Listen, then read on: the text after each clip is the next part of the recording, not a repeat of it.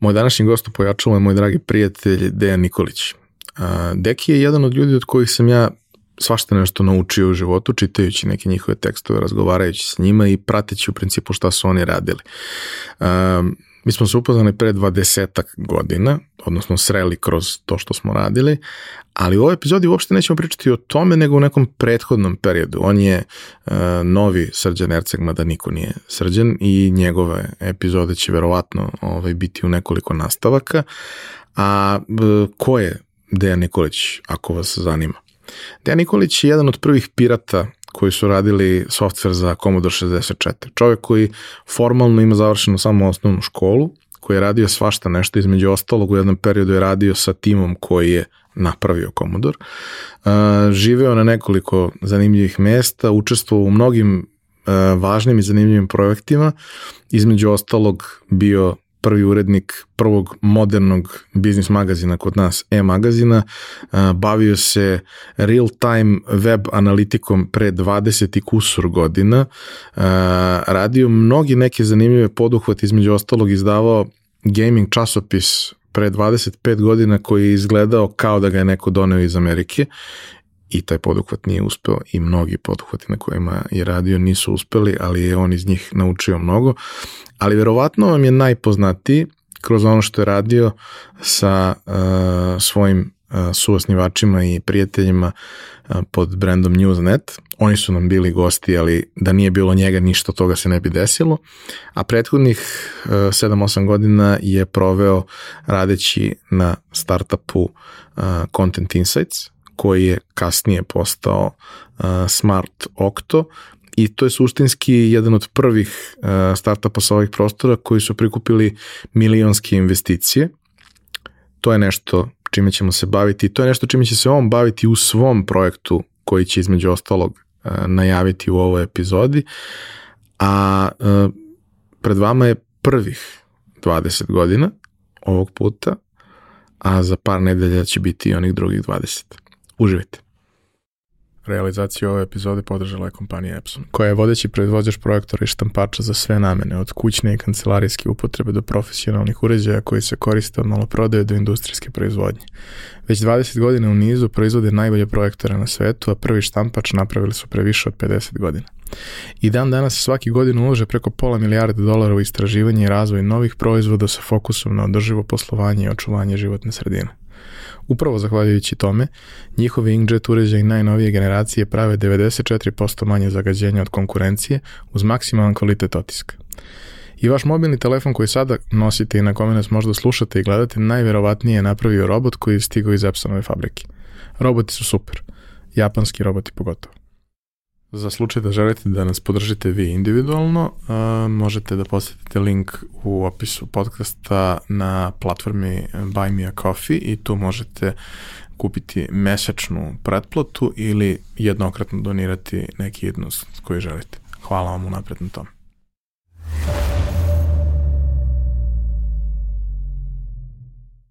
Danas imamo jednu neobičnu situaciju iz više razloga. Prvo, ovdje imamo čoveka koji je bio onih prvih osamdesetak ljudi ovaj, koji su bili na spisku potencijalnih gostiju, ali nije bio u prvih osamdesetak epizoda, to se nešto prolongiralo, razvuklo i tako dalje, a umeđu vremenu se svašta dešavalo. Drugo, imamo čoveka koji je taj e, serijski preduzetnik u najrazličitijim oblicima i radi razne neke čudne stvari i neobične i često radi stvari koje nikom nisu jasne do trenutka dok ne postanu svima jasne. Ovaj, čovjek koji je jedan od redkih ljudi koji su mene zvali u neki poduhvat, ono da, pa sam ja rekao da ja ne verujem u to, pa se ispostavilo da to funkcioniše dobro, ovaj, ali sve o tome ćete vidjeti kasnije. Uh, Dejane, konačno, dobrodošao. A ti o meni pričaš? A, ok, hvala, hvala, bolje te našao. Uh, ti si, da kažemo, jedan od doajena srpske IT startup i tako dalje i tako Imam dalje. sede tako da dalje, to sede. dokažem. Da. Ovaj, imaš i sede i godine i kilometražu i svašta nešto što si radio, ali uvek to sve ovaj, kod nas u podcastu počinje mančmelo pitanjem. Mislim, gotovo je nemoguće zamisliti da si ti nekad bio mali, ali kad si bio mali, šta si te da budeš kad porasteš? Ok, moram samo malečnu di, di, digresiju oko Manchmellow pitanja. Za ne bi trebalo gost da dobije Manchmellow dok odgovara na, na pitanje ovaj, da, To ćemo posle. to ćemo Šušti, nije dobro Ok, za audio. Zato jer Manchmello lepo vraća u detinstvo i gost može da se ovaj, projektuje u doba kad je želeo da bude astronaut. Jel da? Ove, a, ali, a, ne, prvi put, razmišljao sam, znao sam da ćeš to da pitaš, naravno, Ove, a, i mislim da je prvi put kad mi se formirala neka ideja, ja sam već bio podosta mator, recimo 13-14 godina i hteo sam da budem režiser.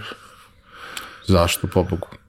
Zato što sam voleo filmove i, i kroz ceo moj život kasnije a, se stvari pokazalo da ja nikad nisam odrastao i da ja vrlo lako padnem pod impresiju nečega što me u tom trenutku obuzima. Znači kao kad dete dobije novu igračku i onda mu je zanimljiva dva dana i u toku ta dva dana ja postanem potpuno obuzet time i sad neke od tih stvari nastave dalje da me ganjaju kroz život, a neke odbacim skroz I, i režim je prilično držao dok se nije Tarantino pojavio i onda je bilo, oh, fuck, oh, Sve je već urađeno. sve je već urađeno što može da se uradi.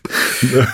Mislim, jedan od razloga zašto ja to pitanje postavljam šta si teo da budeš kad porasteš je što, naravno, prolazimo ceo razvojni lični put svih gostiju i uvek postoji nešto u tome što su hteli da budu kad porastu, gde su našli u kasnijoj fazi života način da to uklope, inkorporiraju u, u to čime se bave.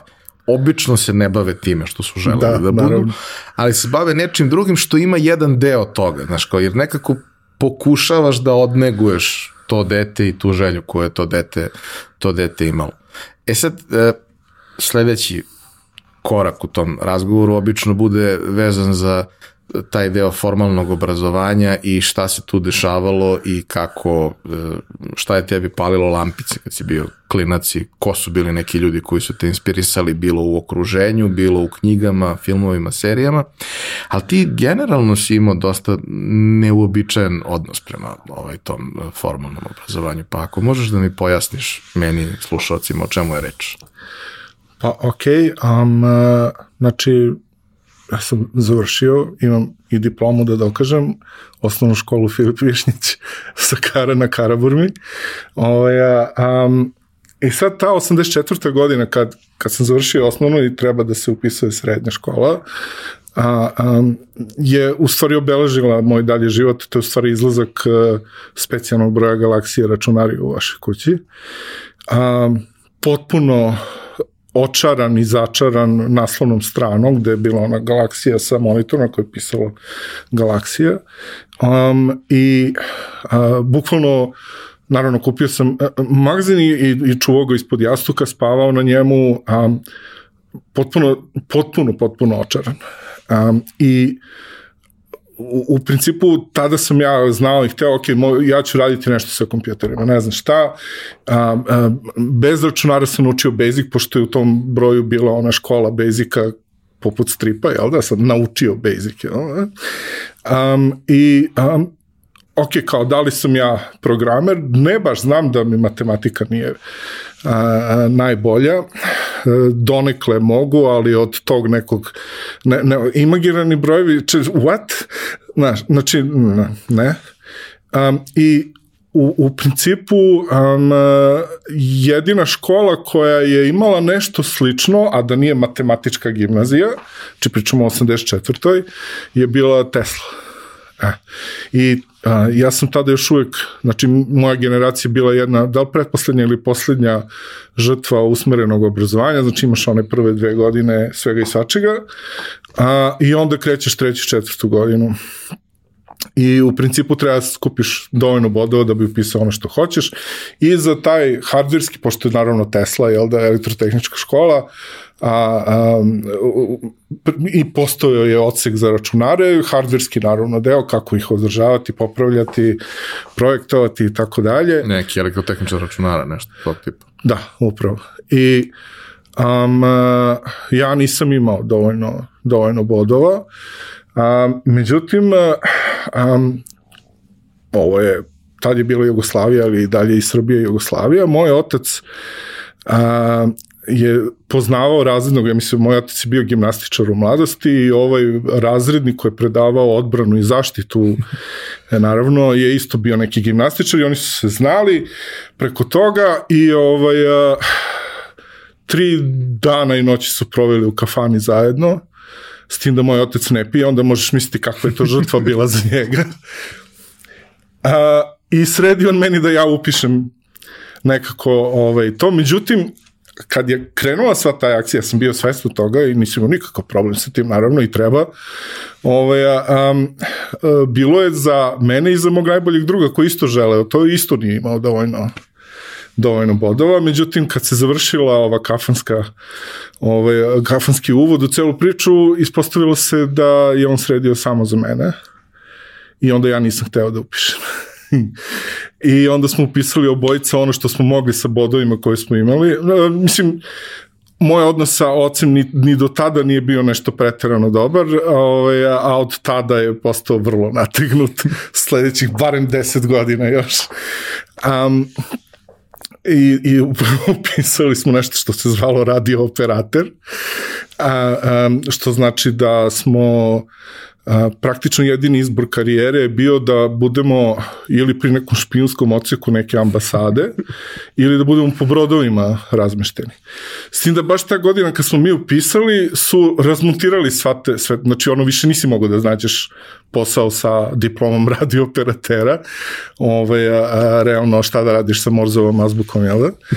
I, i, um, i ja jednostavno nisam izašao na, na matursku, tako da nemam srednju školu. Dobro. A onda? A, onda sam lutao u smislu, a, pazi, ja sam već tada bio neki preduzetnik, to je bio sam jedan od, a da kažemo, srednje većih pirata u, u, u Jugoslaviji za Commodore 64 i a, um, cela, cela ta priča oko obrazovanja mene nije preterano brinula. Ove, ja, nisam, ja u sebi nisam video, ja sam znao da ja ne znam da bubam, skapirao sam da da bi uspeo u našem sistemu moraš da znaš da, da bubaš. Ja znam da a, prihvatim informaciju, da inkorporiram u postojeće znanje ili odbacim ili tako nešto, ali ne znam da je naučim. Bukvalno ne znam da je naučim. Zato i nisam kasnije ni mogao da postanem program. Ja sam išao recimo tri meseca na matematički fakultet da vidim šta oni predaju a, a, iz programiranja, jer sam do tada već nešto napredovao. A, a, a, znao sam pomalo mašinski, znao sam basic, a, tada a, mašinac za, za Motorola 68000. Um, ali nisam bio programer daleko od toga i um, ono što sam video me je potpuno ne, da ja ne, ovo nije za tebe. Um, ali, ali uh, uh, sad kad gledam nazad na to vreme, u stvari mene više opčinila fenomenologija te revolucije koje su, koje su računari doneli, a, ali ja to tada kao klinac nisam naravno razumeo, u stvari ja sam trebao da budem društvenjak, a ne da, da, da pokušavam ovaj, da, da se na taj način bavim kompjuterima, u stvari mene je oduševljavalo šta ti sve možeš kompjuterima da uradiš, a ne kako to zaista kompjuteri radi i šta ja mogu s tim. Mada i, i postoje je taj trenutak kad ti se upali prazan ekran ovaj, a, i uključiš kompjuter i pojavi se onaj uvodni screen i ono, možeš šta god hoćeš. Znači, samo ako umeš. Samo ako umeš, naravno. Ali uglavnom i hoćeš ono što, što umeš. Ne, znam koliko sam vremena proveo, pokuša, zato što sam bio opsednut Star, Star Wars, pokušao sam na, na spektrumu da nacrtam zvezdu smrti, da tripujem, da, da, ovaj, da sam u nekom svemirskom brodu koji ide ka njoj i tako dalje. Znači, mislim, maturi konju od 15 godina. A vidi, mislim, to, to vreme jeste bilo specifično u smislu da mogu si ti sve da naučiš, ali ulazna barijera je bila nešto više nego što je trenutno. Nije to sve bilo da. ni toliko dostupno, ni toliko blisko. Basic jeste bio super da ti ono printf naučiš da ispišeš na ekranu nešto što tebe zanima. Da. Ali ako hoćeš bilo šta drugo, da imaš neki proces koji se dešava, da imaš neku proceduru koja treba da se izvrši, to baš i nije bilo toliko jednostavno. Ja se sjećam ono naše prve, ovaj, prvi naši eksperimenti sa Basicom koji su bili iza toga da ispišeš na ekranu da nešto izgleda, da, nešto da, da. iscrtaš, su bile tekstualne avanture. koje su bile jako zabavne, Jeste. ali su, i, i, i tu je u principu vrhunac te igre, zašto je ona bila sjajna, je bio dobar storytelling. Jeste. Mehanizam je banalno jednostavan. Ali je Mehanizam je stvar... ravan pogodi broj koji sam zamislio, e sad samo proširiš sa... Da. I kao, mislim, dobra stvar je, ono, tad smo naučili storytelling, odnosno skapirali smo kako funkcioniše iz nekog feedbacka koje smo dobijali od ljudi.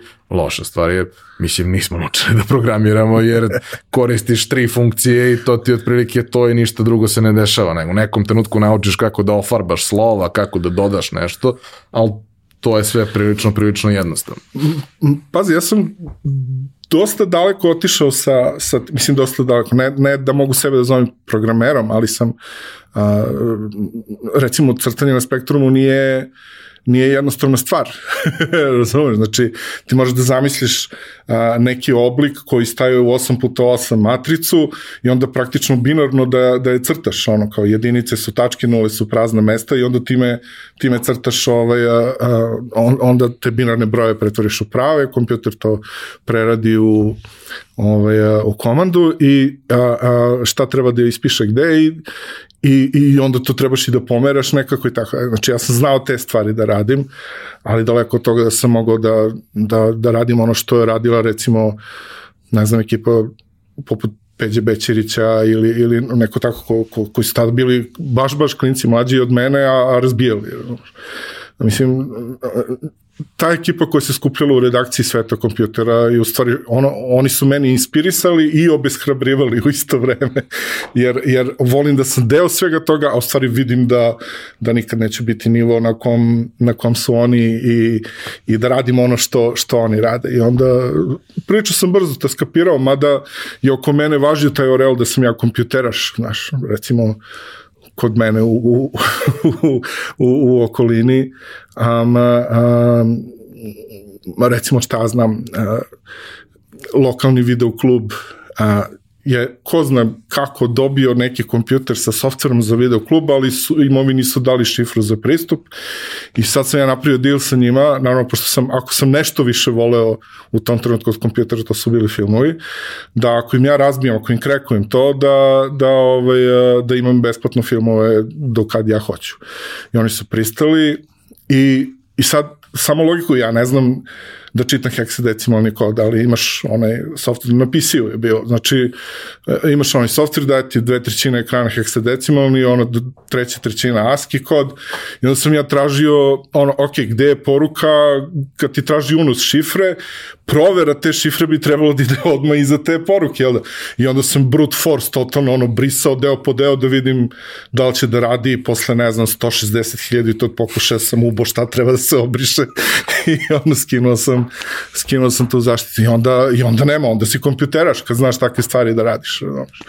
Ove, a, a, a, ne znam, u školi sam objašnjavao šta, šta radi modem profesorima u Tesli, znaš, koliko je to u stvari bio taj razmak već. Znači ja koji sam malo jači amater uči nastavnike ono što bi trebalo ipak da znaju, jer nije modulacija demodulacija nešto što neko ko predaje u Tesli kao ne, da ne razume, znaš.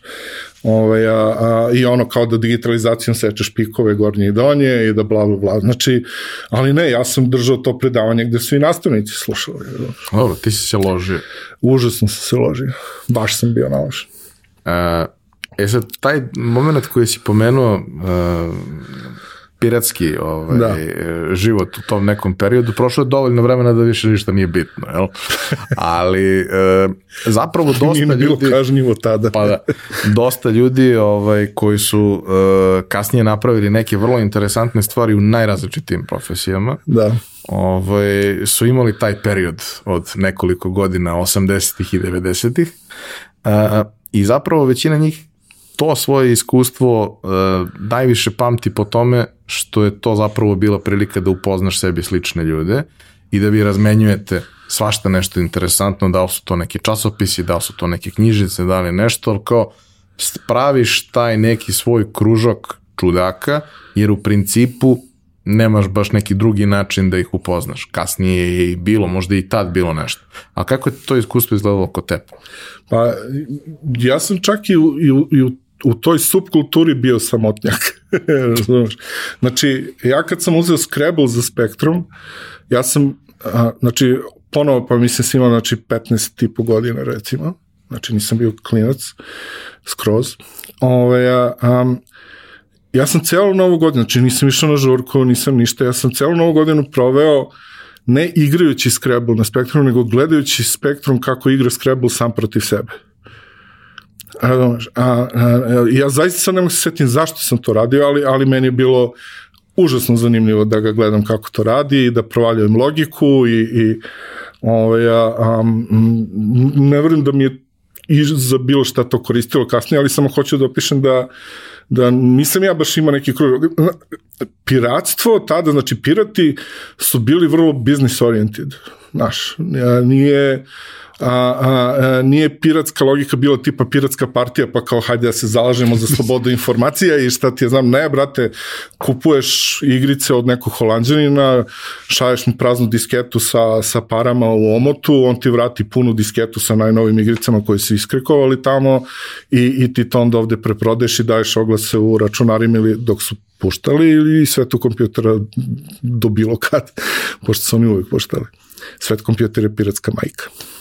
Ovaj, ne dobro, naravno, ali nekako kroz sve to prolaziš i upoznaješ te neke čudne ljude, da, kad ti da. treba nešto, manje više znaš koga za šta možeš da pitaš. Ljudi su se po gradu poznavali i u nekom trenutku kasnije ono, bili su i specializovani za različite stvari, pa znaš od da, neke, da. koji tip softvera ili igara kod koga tražiš i ko će ga prvi dobiti u gradu. Pa kad ga dobije prvi, relativno brzo će ga imati svi, ali je pa cilj da, nekako bio da budeš među prvima koji imaju nešto. Bio, bio je taj a, jedan koji je bio prvi i od koga smo mi manji neko, dok svako ne provali neko, dok ne postaneš da ono veliki da provališ svoje kanale, to je bio UCS u, u Cvićevoj, ovaj, u suturenu zgrade, a, a, i, i oni su nekako uspevali da, da, da prvi dobiju, plus bili su jako dobro pozicionirani u svetu kompjutera, ja mislim da su oni zajedno sa Mošurinskim radili onaj turbo čip za C64 gde imaš te piratske stvačice na samom čipu,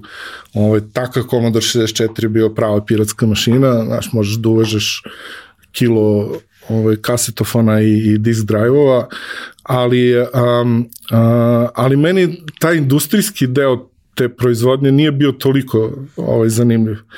Um, ja sam bio uh, fasciniran samom, samom, samom, samim zanatskim delom te priče. Recimo, ja i danas, pošto sam kolekcionar starih kompjutera, naravno, lečim frustracije iz mladosti, ovaj, a, a, a, jedan od naj, a, jedan od zvukova koje, koje me najviše umiruju je onaj klak na 1541 floppy od Commodore 64. Mm. Još kad imaš dva, pa, pa naučiš da s jednom rukom manipulišeš da disketa ide, znači, jedan snima, jedan kopira, jedan snima, jedan kopira, Ove, a, um, i, i, onda radiš to. I, i, I to mi je kao terapija ove danas. Mislim, generalno ovde dosta ljudi bilo u prethodnim epizodama i godinama koji kada to analiziraju stručni ljudi imaju dosta materijala za razne svoje dane, da, studije da, i sve ostalo. Mislim, i meni je par ono, prijatelja koji su u, u oblasti psihologije reklo svašta nešto zanimljivo što se tiče uvida vezani za, za moje da. ponašanje. Ovaj, ali dobro, kroz, kroz sve te stvari koje si radio, gledao, upoznavao, je se lagano kristalisalo šta ćeš ti da budeš? Mislim, pa, i dalje nije, ja, ja te znam ka, dugo. Ka, kad bismo gledali moj život kao film, gledalci bi, bili, bi bilo potpuno jasno. Ove, ovaj, ali meni nije bilo jasno. Ja sam bio vrlo pogubljen. A, a, znao sam da imam smisla za biznis, ali mi je bilo dosadno. Znači, samo do nekog trenutka me je to ložilo i onda posle toga mi postaje dosadno. I to mi prati ceo život. A šta znači znao sam da, da imam smisla za biznis? Kako si znao? Um, Znači, ne smisao za biznis u smislu da znam kako da se obogatim ili da znam kako da, da napravim neki boom na nekom tržištu ili da razvijem posao od ne znam ničega. A, a, jednostavno o, o, sam volio da pokrećem stvari. Znači, a, a jedino čega sam ja uspio da se setim, jer jedino zašto možeš da imaš znanje, a da nemaš 10.000 sati prakse, ovaj, a, a, jeste da, da pokrećeš stvari koje su, koje možeš da spakuješ kao da je biznis sektor, jel da? Ovaj, a, a, i, i, i, i cela ova piratska stvar u, u principu je došla iz toga što sam ja išao da kupujem programe kod, kod nekog đurice u Ustaničkoj ovde negde blizu Ovaj, a, a, I onda, ne znam, prvo što sam čekao puno, pa onda a, mu nešto nije radilo, pa mi je snimao, pa je sve to trajalo tri sata, pa pola igrica koje mi snimi ne radi, pa se vraćam da mi, da mi dosnimi ili tako nešto. Ovaj, a, a, I u principu sam ja pomislio, shit, ja ovo mogu da radim dosta bolje znaš, i, i, i to mi je bio, ajde da vidim da li ja ovo mogu da radim dosta bolje. I onda sam zbog toga krenuo u celu tu priču, Ovaj, a, a, I onda mi je bilo zanimljivo kako se ta, taj fenomen, jer, jer to je kao neki, neki subkulturni biznis u, u principu, to, to ne postoji na radaru, to nije biznis kojim se bave kompanije, ta nisi ni mogao da imaš privatno preduzeće ovaj, još uvek. Um, i, a, a postoji puno ljudi koji se time bave, znaš, i onda mi je to sve bilo jako zanimljivo i na kraju kulminiralo computer shopom, ono, znači potpuno, znači imaš prodavnicu piratskog softvera u sred Beograda ovaj, a, a, 1989. godine. I, Gde je bil? A, dobro, u sred Beograda je vjerojatno malo preterivanje, ali u, u, u Vojvode stepe. Dobro. U, u okviru jedne biblioteke. Znači, nas trojica, u stvari četvorica, ovaj, Branko Jeković, tadašnji Kermit, pirat za Spektruma, Aleksandar Veljković, Tangram, pirat za Amigu i ja sam bio Wizard, uh, pirat za C64 i onda smo se mi udružili i pošto smo htjeli da imamo sve, Ovaj, onda smo doveli jednog lika koji je radio PC, koji se zvao Pop. ovaj, a, a, i, I otvorili smo radnju. Full service agenciju. Zato smo videli da se namlatimo svi para kad budu sajmovi, znači kad dođe posebno sajam knjiga, jer deca iz cela Jugoslavije dolaze u Beograd da da troše pare i uglavnom su više trošile pare kod nas nego na knjige. Ove, ovaj, a, a, I onda zašto ne bismo imali svoj štand 24-7, jel da? Um, um, i, i, I to je bilo samo u takvoj zemlji moguće, ja mislim. Koliko god pričali da, da je ona kao bila restriktivna, u stvari samim tim je bila vrlo omogućavala veliku slobodu, jer ljudi nisu imali pojma šta radimo. Znači, ja sam recimo, kad smo, pošto smo i prodavali naravno stvari, Ove, ovaj, a, a, mi smo uvozili naravno iz Schiller trase iz Minhena, a, a, tako što sam ja preko plesne škole sam znao nekoga iz mađarske ambasade koji je od svog oca koji je bio ataše ovaj, uh, uzeo blanko naručbine za, za, za mađarsku ambasadu šta njima treba i to se ne carini i to samo te puštaju ovako ajde i onda dobiješ gomilu stvari ovaj, uh, free znači nije bilo samo piraterije bilo i šverci da, da. No. Hello 80s. Uh, e, bar nije džins iz. Dobro, da, mislim, uh, što kažu za obrazovanje, pa nije strašno. Da, da, da. Uh, kako se ta priča razvijala dalje? Dolaze vesele 90. Pa, uh, moj ego je upropastio ono što je Vega mogla da bude, plus Um, znači ja sam teo da, da pravim nešto što je, nemam pojma, kasnije postao Comtrade ili, ili jedno kratko vreme Beosoft, jel da? Mm. A, um, mada ja nisam bio taj lik uopšte. Znači, a, a, meni je nekako piraterija bila, ja sam voleo ljudima da sklapam ono šta im, šta ja mislim da im treba i, i da im to onda prodam. Ti si u stvari bio digitalni bibliotekar. Vrlo moguće. Ali to jeste taj moment, znaš, kao šta, šta je ono što ti pravi razliku? Ja se sjećam, ne vremena disketa, ali vremena CD-ova, da. da ti dođeš kod čoveka, pričaš s njim 45 minuta i onda ti on napravi kompilaciju. Tako je. Nije tako stvar je. u tome da on tebi proda nešto off the shelf, bilo je i toga naravno, ali, e, ali x puta da. su to bile stvari gde ti sedneš i on sedne s tobom i gleda šta ali, tebi stvarno treba. Mikica u Beosoftu je mlatio pare zato što je imao sportski komplet, akcioni komplet, ovaj komplet koji je štancovao, svi su ono standardizovani i ovaj, um, um, bili smo jednom zajednički na, mislim da je neki U video show bio, ne znam koje mm. godine, ovaj, a, i, i odrao nas je po, po znači ono čovjek ja dok snimim tri diskete, on je prodao 70 kompleta. Razumeš? Jer ih je doneo gotovo. Jer ih je doneo gotovo. Fabrik. Tako je. Ovaj, a, a, mislim, i, imao sam ja te elemente, ovaj, a, a, naučim i ja, znaš, a, i onda upotrebim drugi trik, a, stavim manje kasete, pa komplet ima dve kasete umesto jedne, pa ih umotam, pa stavim ono kao da izgleda kao proizvod, znači ne nešto što si kupio kaseticu negde, nego upakovano kao da si kupio prodavnici igračaka, jel da? Ovaj, a, I to je šljakalo jedno vreme. Um, znači, vo, voleo sam taj um, takmičarski, ovaj, bila je i lojalna i nelojalna konkurencija, sećam se kad sam a, a, a, doneo disk na jedan sajam, onda su ovi pored poludili kao, pa nije fair da ti imaš disk drive ovde za snimanje, pošto disk omogućava mnogo brže snimanje na kasete. Mislim,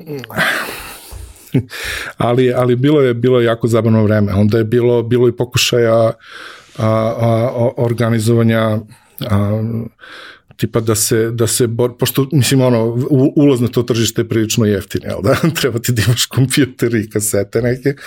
Ove, a, a, I onda su počeli naravno da obaraju cene i onda smo se mi već iskupljali u, a, u maloj Moskvi i onda tu kao oni mafijaški ovaj, komisije porodice su se skupili. porodice su skupili onda dogovarale kako da spreče dalje urušavanje cena na tržištu i tako dalje. Ove, ali da, bilo je, bilo je zabavno posebno za klinca koji nije završio srednju školu. A kaži mi, taj moment da ti kažeš da je to propalo zahvaljujući e, tvom egu, kad je propalo i kako je propalo? Um, pa, Vega je na različite načine počela da zarađuje baš dosta para. Znači, samim ti što smo imali varijantu da, recimo, da uvezemo, ne znam, recimo, 3 XT PC-a ili nešto slično, uvoz je bio vrlo problematičan tada u, u Jugoslaviji, a, ne znam, sećam se da smo... Za, za, za, ja sećam, nije postojao, nego neko ti donese. Neko ti donese. Znači, za tranšped smo to radili, recimo. Razumiješ? uplati na žiro račun, ono lični, tad nisi, valjda nisi mogu da imaš svoj ne možeš kao privatno lice da imaš ovaj, račun u SDK, jel da, nego, nego imaš žiro neki račun i onda tu uplate pare, ti tim parama, od, mislim, četiri puta više nego što te košta. Onda, ne znam, za, za Genex uh, um, za Aviogenex, pošto imali smo prvi, ja mislim jedan od prvih, ako ne prvi laserski štampač, ove, smo štampali mape za, ne znam za šta. I, i recimo taj drugi deo posla, mi, mi smo se u stvari podelili na, znači ja sam teo da pravim trgovinski biznis, ja sam teo da uzmemo od SKC onog gde je mladinska knjiga, razumeš i da tu napravimo kompjutersku radnju ogromnu, znači ja sam išao ka nekoj Comtrade varijanti ili ne znam ko već. A, a, a, a Sale Tangram je hteo da, da ne radi što više može. Znači, on, on je čak u jednom trenutku ostavio poruku, znači on uopšte ne dođe na posao i ostavi poruku da ljudi ostavljaju diskete, on će da im snimi kad, kad stigne ove igrice za Amigu. Ove, a, a, a, a Branko, on je, on je hteo da ide u te usluge. I pošto ja nisam, meni već to sve postalo malo dosadno, da priznam, i, i hteo sam da idem na ovo veće nešto, nisam uspeo se dogovorim i onda sam ja izašao praktično iz toga i uh, uh, Kermit i dan danas ima firmu koja se zove Vega i koja je potpuni pravni ovaj, naslednik te Vege, apsolutno da on radi razne usluge. Jel? Ovaj, a, s tim da su se oni predelili za Atari, ali on u sledećih par godina je sve to puklo i PC je odneo prevagu, jel da? Da, ja se sećam... Ni ja to nisam vidio, ja sam te da idem na drugi... Ja se sećam u to neko vreme, početak 90-ih sam ja zapravo došao u prvi kontakt s računarima i mm. tu je bilo viđao sam ja pre toga i Atari i Commodore i sve, ali naravno nisam imao, nisam imao svoje, ali u nekom trenutku, tamo 90, prva, druga, treća, je krenulo da, da se priča o tome, u kući novca nije bilo, ali pošto sam ja bio odličan đak i sve, onda se to skupljalo neko vreme. I trebalo je doneti sad tu ono, vrlo značajnu odluku u tom trenutku, ja idem da gledam te stvari, srećem ono kod prijatelja, poznanika, drugara i sve i naravno 92. recimo godine meni ta Amiga izgleda mnogo impresivnije nego što mi izgleda bilo koji PC. Da, Jer i jeste njena bilo. multimedija bila neverovatna. Da. Ali kao, znaš, bilo je, već tad je bilo neke priče, mislim, ja sam baš bio klinac i to, ali bilo je te neke priče da ti kaže, pa znaš, to je malo zatvoreno, to je malo problematično i za nabavku i za sve, to je jako problematično za neki upgrade kasnije, ako te to zanima, jer naravno kupuješ nešto što je vrlo skromno, pa ćeš za par godina jedno po jedno da sređuješ i kao, to je to. I u nekom trenutku kad sam ja ono, prelomio da neću da se igram, da mi nije primarno to da se igram, iako mislim, kako možeš da kažeš da nećeš da se igraš, naravno E, da hoćeš. Ne možeš da kažeš da ne. Ovaj, ali kao nije mi to nije mi to toliko bitno. I zapravo ja sam ja nikad nisam bio gamer. Igrao sam neke stvari, ali nikad nisam bio posvećen tome toliko. Sviđale su mi se neke druge stvari. Ovaj, onda je pala odluka da to kao ipak bude PC i krenulo je od 386-ice, Da, 386-ice recimo, pa nadalje lagano i kroz ne znam, 5, 6, 7 godina sam ja došao do nekog prvog Pentiuma na kome si stvarno mogu da radiš šta hoćeš, bio je Windows 95, pa je to već ličilo sve na nešto. Pre ovo je bilo super zato što ja sa ono, 7 godina mogu da crtam nešto i da ne trošim papir. Da. Jer ni papira nije bilo, pa kao eto, i flomastera i svega ovde može u boji, pa je Jasno. okej. Ali jeste bilo prilično, prilično, prilično ograničeno i bilo je mnogo tih nekih čudaka koje upoznaješ ono, po gradu, koji su na različitim mestima nešto radili i svi ti ljudi, koliko god ono, neki bili drkađi, ovakvi, onakvi, kad vide dete koje je stvarno zainteresovano, oni se iscimaju oko tebe. Oni te puste da sediš tu ceo dan i da gledaš šta oni rade. Čak i da ti ne kaže, da ti ne objasni ništa, on te pusti da ti sediš i gledaš kako on nešto čisti, pravi, buđi, sastavlja, rastavlja, kako instalira. Mislim, sećam se da to mi, to mi je bilo jedna od ono prvih fascinantnih stvari gde ono kao instaliraš ne znam, Windows 95 ili Windows 3.11 sa 32 diskete. Kao, a šta se desi ako se nešto desi 28 disketi? Ja sam pogledao ovako nemoj to nikad više da me pitaš. Nikad više nemoj to da me pitaš. Mi, ja sam u jednom periodu, super, moram da krenem iz početka, pošto volim da baratam s disketama i disk drive-ovima, očigledno. Kaže, imam jednog partnera, a, kolekcionara zajedno i delimo tu strast gde recimo znamo da formatiramo po 400 disketa odjednom. Na- Znači ono kao jednu po jednu znači formatiranje. Ništa, pazi, to je samo ubaciš i on radi. Kad završi, izbaciš, staviš drugu disketu. I ne radiš ništa drugo za to vreme. Nema čitanje, telefon ili šta ti ja znam. Ne, formatira se disketa. Posluškuješ. Da, da, slušaš sve. Dosta je celo to iskustvo bilo drugačije zato što prvo bilo je Mislim, zvuči to mnogo glupo kad kažeš, ali bilo je taktilno vrlo i zvuci koji su se proizvodili su bili neverovatni. Ono što je ostalo i dalje ga negde čuješ kad hoće da se vrate ono na istoriju i onaj zvuk modem. Ali nije to bio jedini zvuk, ni, ni blizu. Nije, ni ja, taj, ja taj zvuk nisam ni čuo do, do PC-a praktično. Pa da. Da. Ovaj, ali sve ono ostalo i čuvena stvar koja je uvek meni bila genijalna, naravno kao kasnije si imao kućišta i manje više svi su imali neka kućišta šarena ovakva onakva. Prvo su bila ona odvratno sivo žuta, Da. ali taj jedan moment kad kao imaš kućište sa turbo dugmetom koje ne služi ničemu, ali postoji. I Da, onda ti da. ipak to pritisneš s vremena na vreme, kao eto, ajde, čekaš da se nešto desi. Jeste crveno, ali... No, kao, je, ima turbo dugme, pa ajde da vidim. Uh, u paraleli sa svim tim ti lagano ne upoznaješ sebe i shvataš šta jeste nešto što ti je interesantno, šta ti nije interesantno, lagano i odrastaš i dolaziš možda u neku fazu kad bi trebalo probati nešto, nešto konkretno. Jer ovo je sve, koliko god bilo ozbiljno, nekako ipak, znaš, taj neki rezidual onoga što si voleo kao klinac. Či ceo tvoj život je Rezidual onoga što se volao kao klinac, apsolutno. I to jeste, naravno, vrlo važno. Ali šta je sledeći korak za Dejan? Nisam Nikolić? birao za ovu priču, ali to je jednostavno ono što je... Pa to si ti. Star Wars. okej. To si ti. I svima je to jasno. Šta je bilo dalje?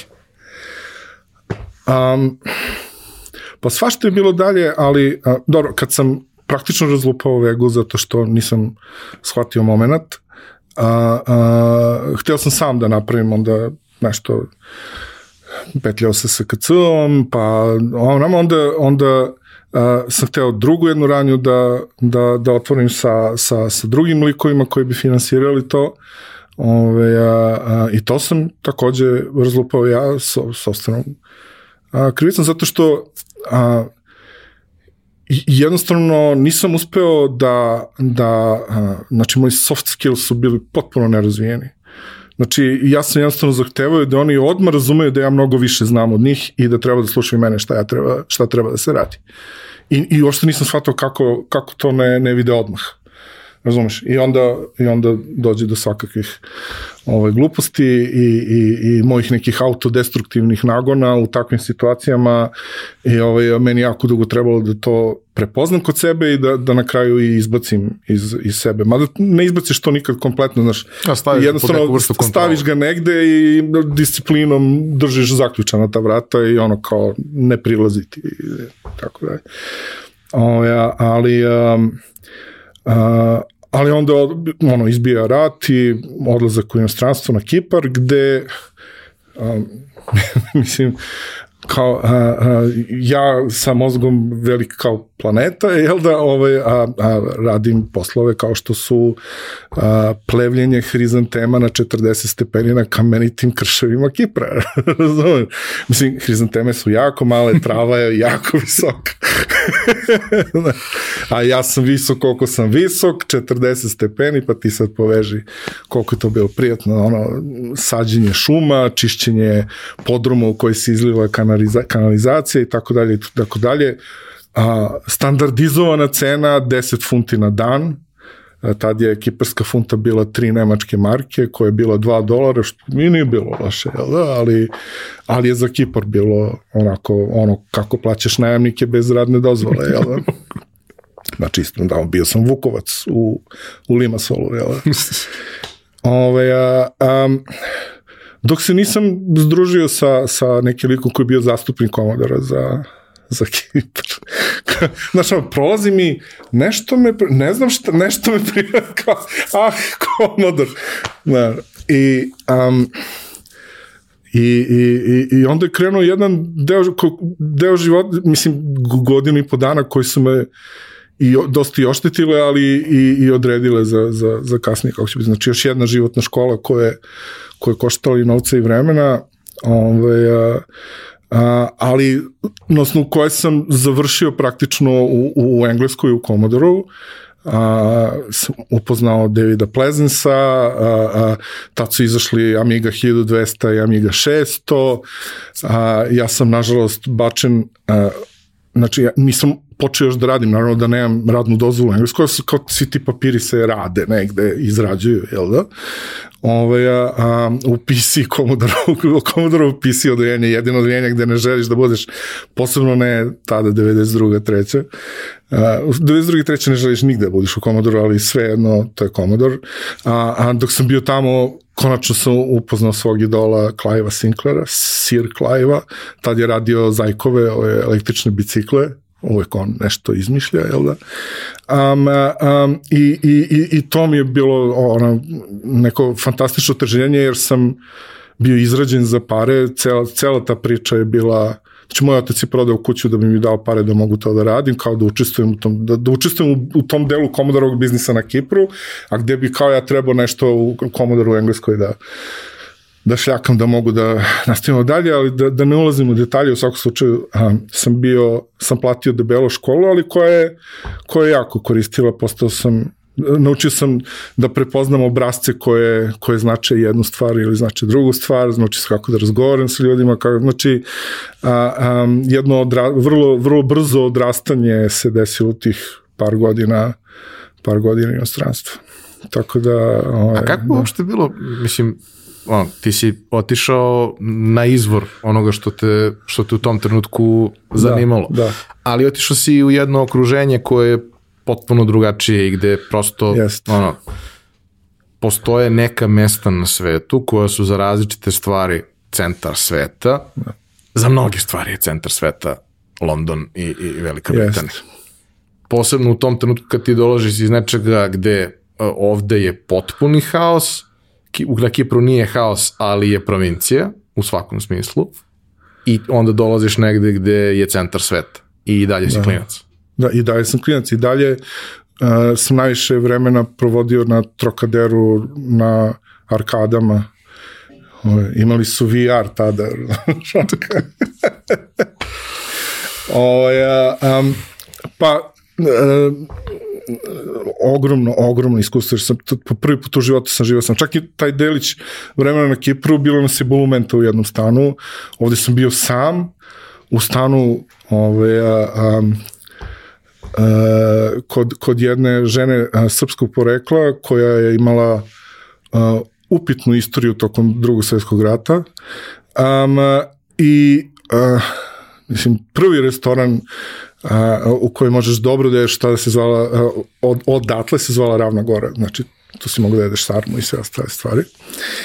Um, I a, u principu ja sam tu sedeo u toj jednoj sobici, a, a, već vrlo sklon depresiji, jer London je vrlo depresivan ako nemaš nekoga da ok, video sam Big Ben, video sam British Museum, treba i da radim nešto, kao pravi mi se neke papiri, bio sam u Commodore, odlazim u Commodore s vremena na vreme, imam Amigu sa svim čudima u, u sobi, znači sa hard diskom, sa monitorom, sa, znači on, sve što poželjeti možeš.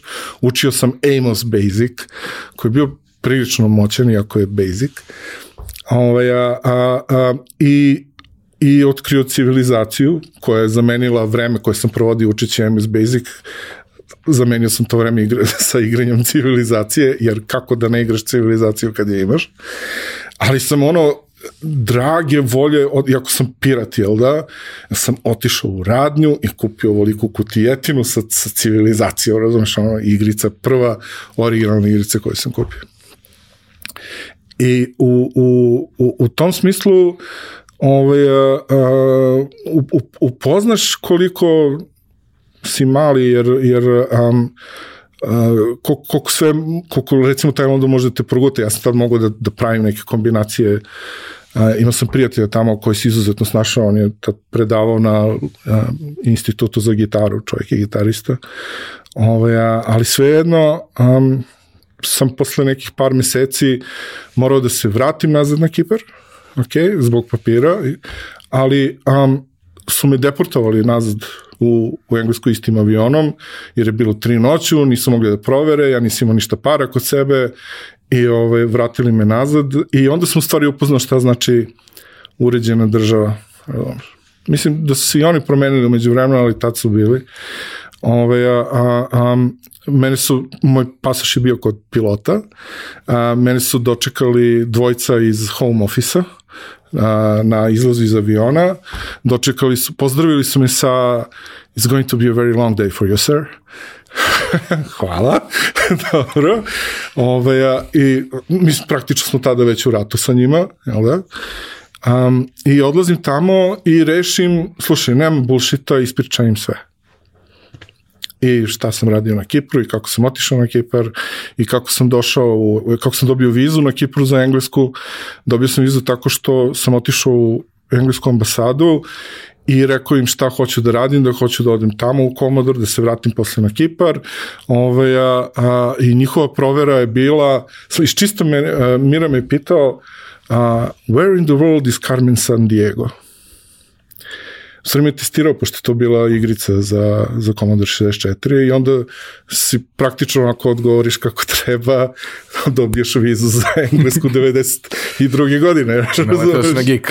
Na, a, sin mu ima, znači, da li treba ti kažem da je njegov sin dobio dosta piratovanih igrica u sledećih nekoliko ove, godina, meseci.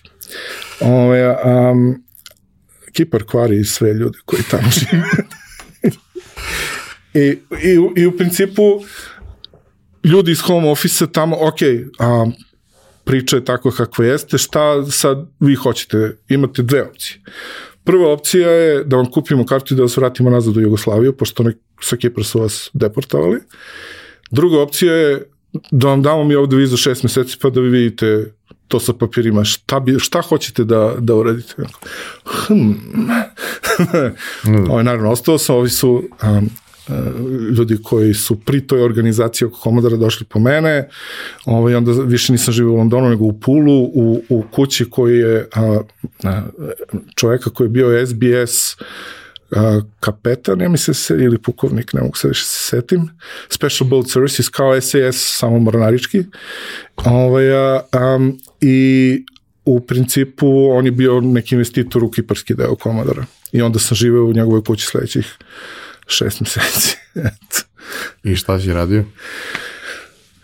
Um, pokušavali smo te papire da sredimo, ali, ali ono, šta, šta sve nisam radio, znači, to je, ja ne znam kako je moguće da se toliko stvari desi u, u šest meseci. Znači, pored toga, pošto Pul je mesto na, na, ovaj, na La Manšu ili English Channelu, ja, zavisi s koje strane si, ja sam sa English Channel strane, O, ovaj, I to je kao turističko mesto. U stvari, tu dolaze penzioneri da se penzionišu, ali dolaze ljudi koji se bave jedriličarstvom ili svim tim raznim čudnim sportovima koji gledaš na engleskoj televiziji, koje, pošto naravno za futbol mora da, si i tada si, ja mislim, mora da platiš Sky da bi mogao da gledaš futbol. I ovaj, um, radio sam u, u, u, u baru, Jazz Pub se zvao, koji je bio na, samo, na samoj obali. Um, što mi, što mi, gde mi je pomoglo iskustvo sa, sa Kipra, gde sam i konobarisao i pravosuđe i sve ostalo. Ove, a, a, pokušavao da sredim to sa, sa papirima, da li za Kipar, da li za Englesku, za bilo šta, više sam, ono, nisam znao gde sam. I a, um, s druge strane ekipa iz, iz, iz Beograda, moj otac i neka ekipa oko njega, kao je imamo nešto, bi mogu ti da nabaviš baterije za Motorola za Vojsku Republike Srpske. Kao ti su inostranstvo, verovatno, znaš, sad kao, kako da, i jako, kao, ajde da, da vidim šta. I onda nađem neki, neku vartu u Nemačkoj, međutim provale o čemu se radi, naravno, ništa od toga nije bilo, ali ovaj, um, um, eto, takve stvari su se tu množile, koji su se nastavili kasnije na Kipru užasno, ali je um, ono, do, to je došlo do a, toga kao, e, imam kupca za osmijum, jel možeš da nabaviš? ne, ili kao za, za 500.000 tona haringi sušenih. Zovem Norvežane, kao gospodin, to je naša proizvodnja u 10 godina, znaš, izvinjavam se u redu. Ali vi niste ozbiljni uopšte. Anyway, um, cela, cela ta priča je začinjena u stvari koja ne veze ni čim, ali začinjena mojim susretom sa ovaj, delima Ronel Hubarda i Scientologijom. znači, iz, iz, iz cele te poludepresije gde sam ja, ovaj, gde sam se u tom trenutku nalazio, uopšte nisam znao šta mi je budućnost i gde ću ja i šta će sa mnom biti na kraju. Ovaj, a, a, šetam pulom, lep gradić primorski i priđe mi mala slatka crvenokosa Irkinja i pita me da li sam čuo za Ronald Hubarda. Kako nisam, naravno, jesam. Ovo, jesi čitao nešto od njega? Jesam, čitao sam Battleship Earth i o, Battleground Earth, mislim da zaboravim kako se zove, Battleground Earth. Ok, ali ono, ne, ne, ne, kao jesi čitao Dianetiku, what? I odvede me u, kao dođe da ti pokažem, naravno da kad ti crvenoka Irkinja povede za ruku da ti nešto pokaže, ti ideš da ti nešto pokaže. I ovaj, a, i odvede me tamo u, u Scientology Church. znači, to je, to, to je unelo dosta zabave u moj život sledećih tako meseci i po dana, jer, jer ne možeš da veruješ šta, ovaj, bilo je trenutka kad sam je kupio foru, jer, jer e, niko tamo ne kreće sa, sa idioticima tipa, ne znam, tetoni u vulkanima i bla, bla, bla. A, a, nego te uče kao neke tehnike tipa kako se uči, kako se pamti, kako da recimo kako da otkloniš bol, recimo ako se udariš u nešto, recimo sad udariš se kolenom u, ovo, u ovaj a, mikrofon, a, a, da bi te prošla bol, trebaš to isto mesto gde si se udario, na isto mesto na mikrofonu da, da prisloniš tri puta i bol će proći. I onda valjda računaju na plasibu u glavi kao da, da prođe. To, onda prođe, onda se kandidati. Da, da, da, onda, onda vežbe za, za, za auditing gde, gde recimo sediš sa nekim I u principu moj zadatak je da tebe nasmejem, tvoj zadatak je da se ne nasmeješ. Sve sam uspeo da nasmejem. Bio je neki prost trik koji sam našao i ne znam zašto radi, ali radi. Ovaj, rekao sam mu, nasmećeš se kada završim odbrajanje od 10 do 0 i onda sam brojao od 10, 9, 8, 7, 6 i kad sam došao do 0 čovjek je počeo da se sme. Ovaj, kao da je neka poluhipnoza, ali funkcioniše. Ovaj, da. Um, onda, ne znam, počeli su naravno, naravno da njih proganjaju, jer su jer su fucking scientologija, ali ko ajde sad mi da pišemo svim novinama i svim uglednim ljudima kako je... Kako nas progone. Kako nas progone. I ja tu naravno upotrebim narativ iz Jugoslavije kako je ceo rat počeo zbog verske netrpeljivosti, bla, bla, bla, bla, bla. Moje pismo bilo objavljeno na naslovnoj strani lokalnih novina uokvireno, razumeš, i ja postanem zvezda Scientology Church of Burmouth zbog toga, razumeš. Ove, a, I ono, daje mi da potpišem ugovor na milijardu godina ovaj, Sea Org, gde, gde ono kao to ti zacrtan put ka eliti Scientologije, razumeš, ono šta ti, znači, ludilo to tamo. Ove, a, ali kad sam dobio te neke druge materijale, znači još nisam došao na onaj clear most i da te ove, gde, gde te baš ono brainwashuju, ove, a, a, a, a, a sam vidio neke druge materijale, tipa znaš ono, ako, ako je tvoj otac represivna, recimo, recimo što je u, mom u, u tom trenutku, recimo moj otac zaista bio, kao ti treba da ga odstraniš iz svog života skroz. I evo kako. Znaš, imaš textbook za odstranjivanje ljudi koje voliš iz svog života, zato ti ne daju da budeš Scientolog, razumeš, recimo. I ovaj, a, i on go, okay. Znaš, on, do sad je bilo zezanje, ovo, ovo je već malo ozbiljno i onda, naravno, već tada sam ih trebao da odem, Ove, razmišljao sam hm, kao da bi ovo bio dobar biznis u Jugoslaviji, ali, ali znaš, ono, bio sam bez ikakvih etičkih normi tada, ove, ali um, je ipak pobedila lenjost, pošto to treba baš puno da se radi. Dobro, i? I ništa, i onda, onda sam se vratio u, u Jugoslaviju, promenio pasoš da bi zavarao Kiprane i otišao tamo da vidim šta se dešava, ostao sam tamo još, još par godina i vratio se nazad. A u tom trenutku, e, kad kažeš vratio si Jugoslaviju, šta se dešava ovde? Koje je to godine? To je 93. A, a, ovde je bila... Hiperinflacija. Da, znači ovde je bilo 2-3 meseca pre, ja mislim da je onaj super dinar Deda Avrama uveden u januaru 94. Januara, da. da. E, ja sam bio ovde oktobar, novembar 93. Fun times. Fun times, totalno. Mada, znaš, ono, kad dođeš iz inostranstva imaš par stotina funti u džepu, ono... Što je beskonačno novca. Što je beskonačno novca, ono kao jeste fucking fun times, znaš, ono vidiš da nije u redu, ali ono kao wow, ja.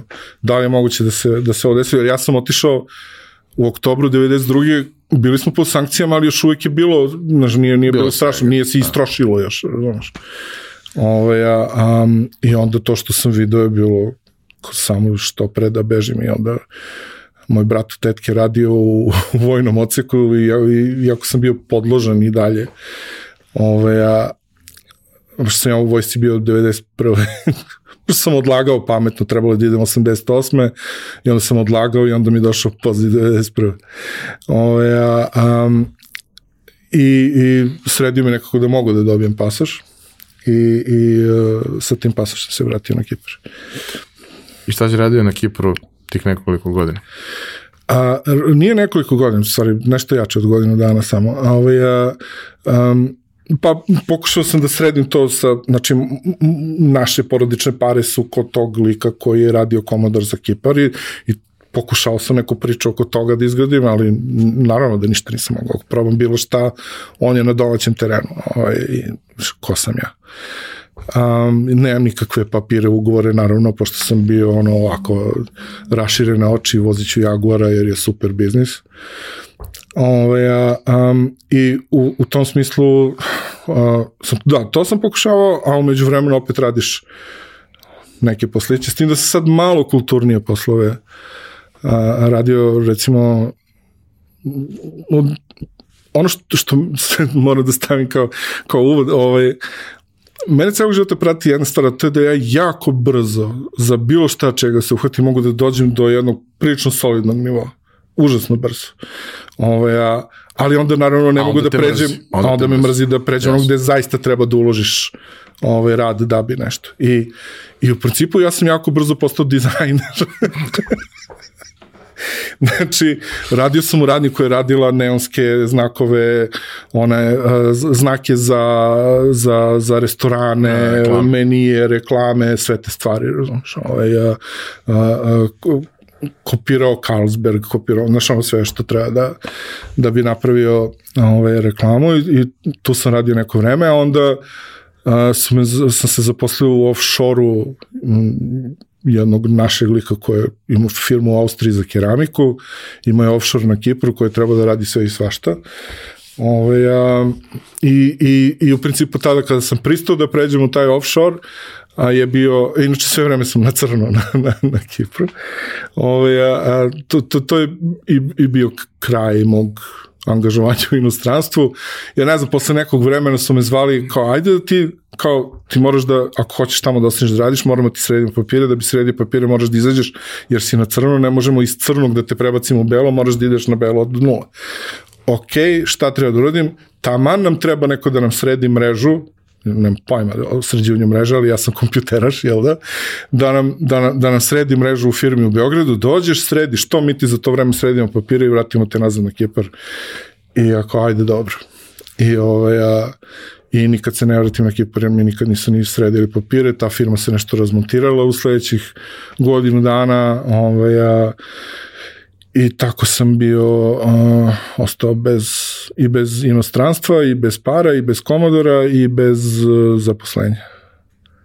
I dolaziš u, u zemlju u trenutku kada se strasti lagano s- Da, da, da, tu je već Dayton je bio na pragu da se desi, Znači, tako. relativno je, da kažemo, stabilna situacija, iako ne baš sjajna, Da. ali postoji neka, neki baseline od koga može nešto da se krene. Jeste. Samo ti dolaziš bez ičega. Pa da. Što me naravno ne sprečava da pravim gluposti i dalje. Pa, mislim, jedna od stvari koju, koju, koja je vrlo karakteristična za ljude koji tako nauče nešto, znači sedne za, za, za Commodore, Da. naučiš nešto, to je da možeš da napraviš mnogo veće probleme nego da ne znaš ništa. Ne, Jer naravno. Kad ne znaš naravno. ništa, to neko dođe i sredi za minut. A Ne, kad ali- znaš nešto, onda napraviš problem koji neko mora rešava dva sata. da, to, to stoji. Mada ja nisam nikad bio deo nekog sistema gde zaista nešto mogu da, da pokvarim. Uglavnom sam ja nešto ove, rešavao. Ove, a, um, recimo, ja sam stvarno bio dobar dizajner na Kipru. Mislim, ljudi su plaćali to što sam ja radio. nisam nikome upropastio turističku sezonu. znaš. Ove, a, a, međutim, a, da, ovo, ovo kad sam se vratio, bilo je jedno vreme da, da nisam znao šta da radim, u, u, u, ulazili su neke stvari, neke poslovi o kojima ne bih ovaj, a, a, a, pričao, ali moglo je da, ono, zaradio sam neke pare nekako, ovaj, a, a, ništa nisam trgovao drogom ili nešto tako, ne mi to misli, nego zaista ne bio je bolan jedan period ko, koji ne mogu da, o, o kome ne mogu da pričam sada, možda u memoarima nekad, ovaj, ali um, ali prvi sledeći neki poduhvat je iz tada su se konzole ovde razvile jako. Mene to jako nerviralo. Ove, a, nikad nisam voleo konzole i za, zato što mi oduzima onaj deo a, verovatno lažne predstave o sebi da sam ipak korisnik kompjutera iako 90% vremena se igram na, na, na kompjuteru, jel da? Konzola je mnogo poštenija i iskrenija stvar, ono, kupiš konzolu da se igraš, kraj priče, šta sad tu kao ti kuckaš nešto da bi loadovao igru i šta si sad kao... Ali ja sam to voleo. Ove, a, I onda mi je konzola bila ono kao, jh. Um, međutim, to je baš eksplodiralo i onda a, tad si imao par vrlo loš, ili samo jedan, ja ne znam da li je gamer već počeo da izlazi, ali samo jedan, ja mislim, loše kvaliteta časopis koji, magazin koji je bio posvećen samo igricama, svet kompjutera ima ono svoje specijalne izdanje, ali ono je izlazilo, nisi sigurni da li je redovno izlazilo, nego ono kad oni misle da Kad se skupi. kad se skupi svega i svačega jeste, svet igara. Ove, a, I onda kao ajde da, da napravim magazin za, za igrice i zvao se Level i izašlo su dva i po broja čak se sećam. I sećam da? se da je izgledao prilično impresivno. Izgledao je fond bio na, najbolji magazin svih vremena ovde.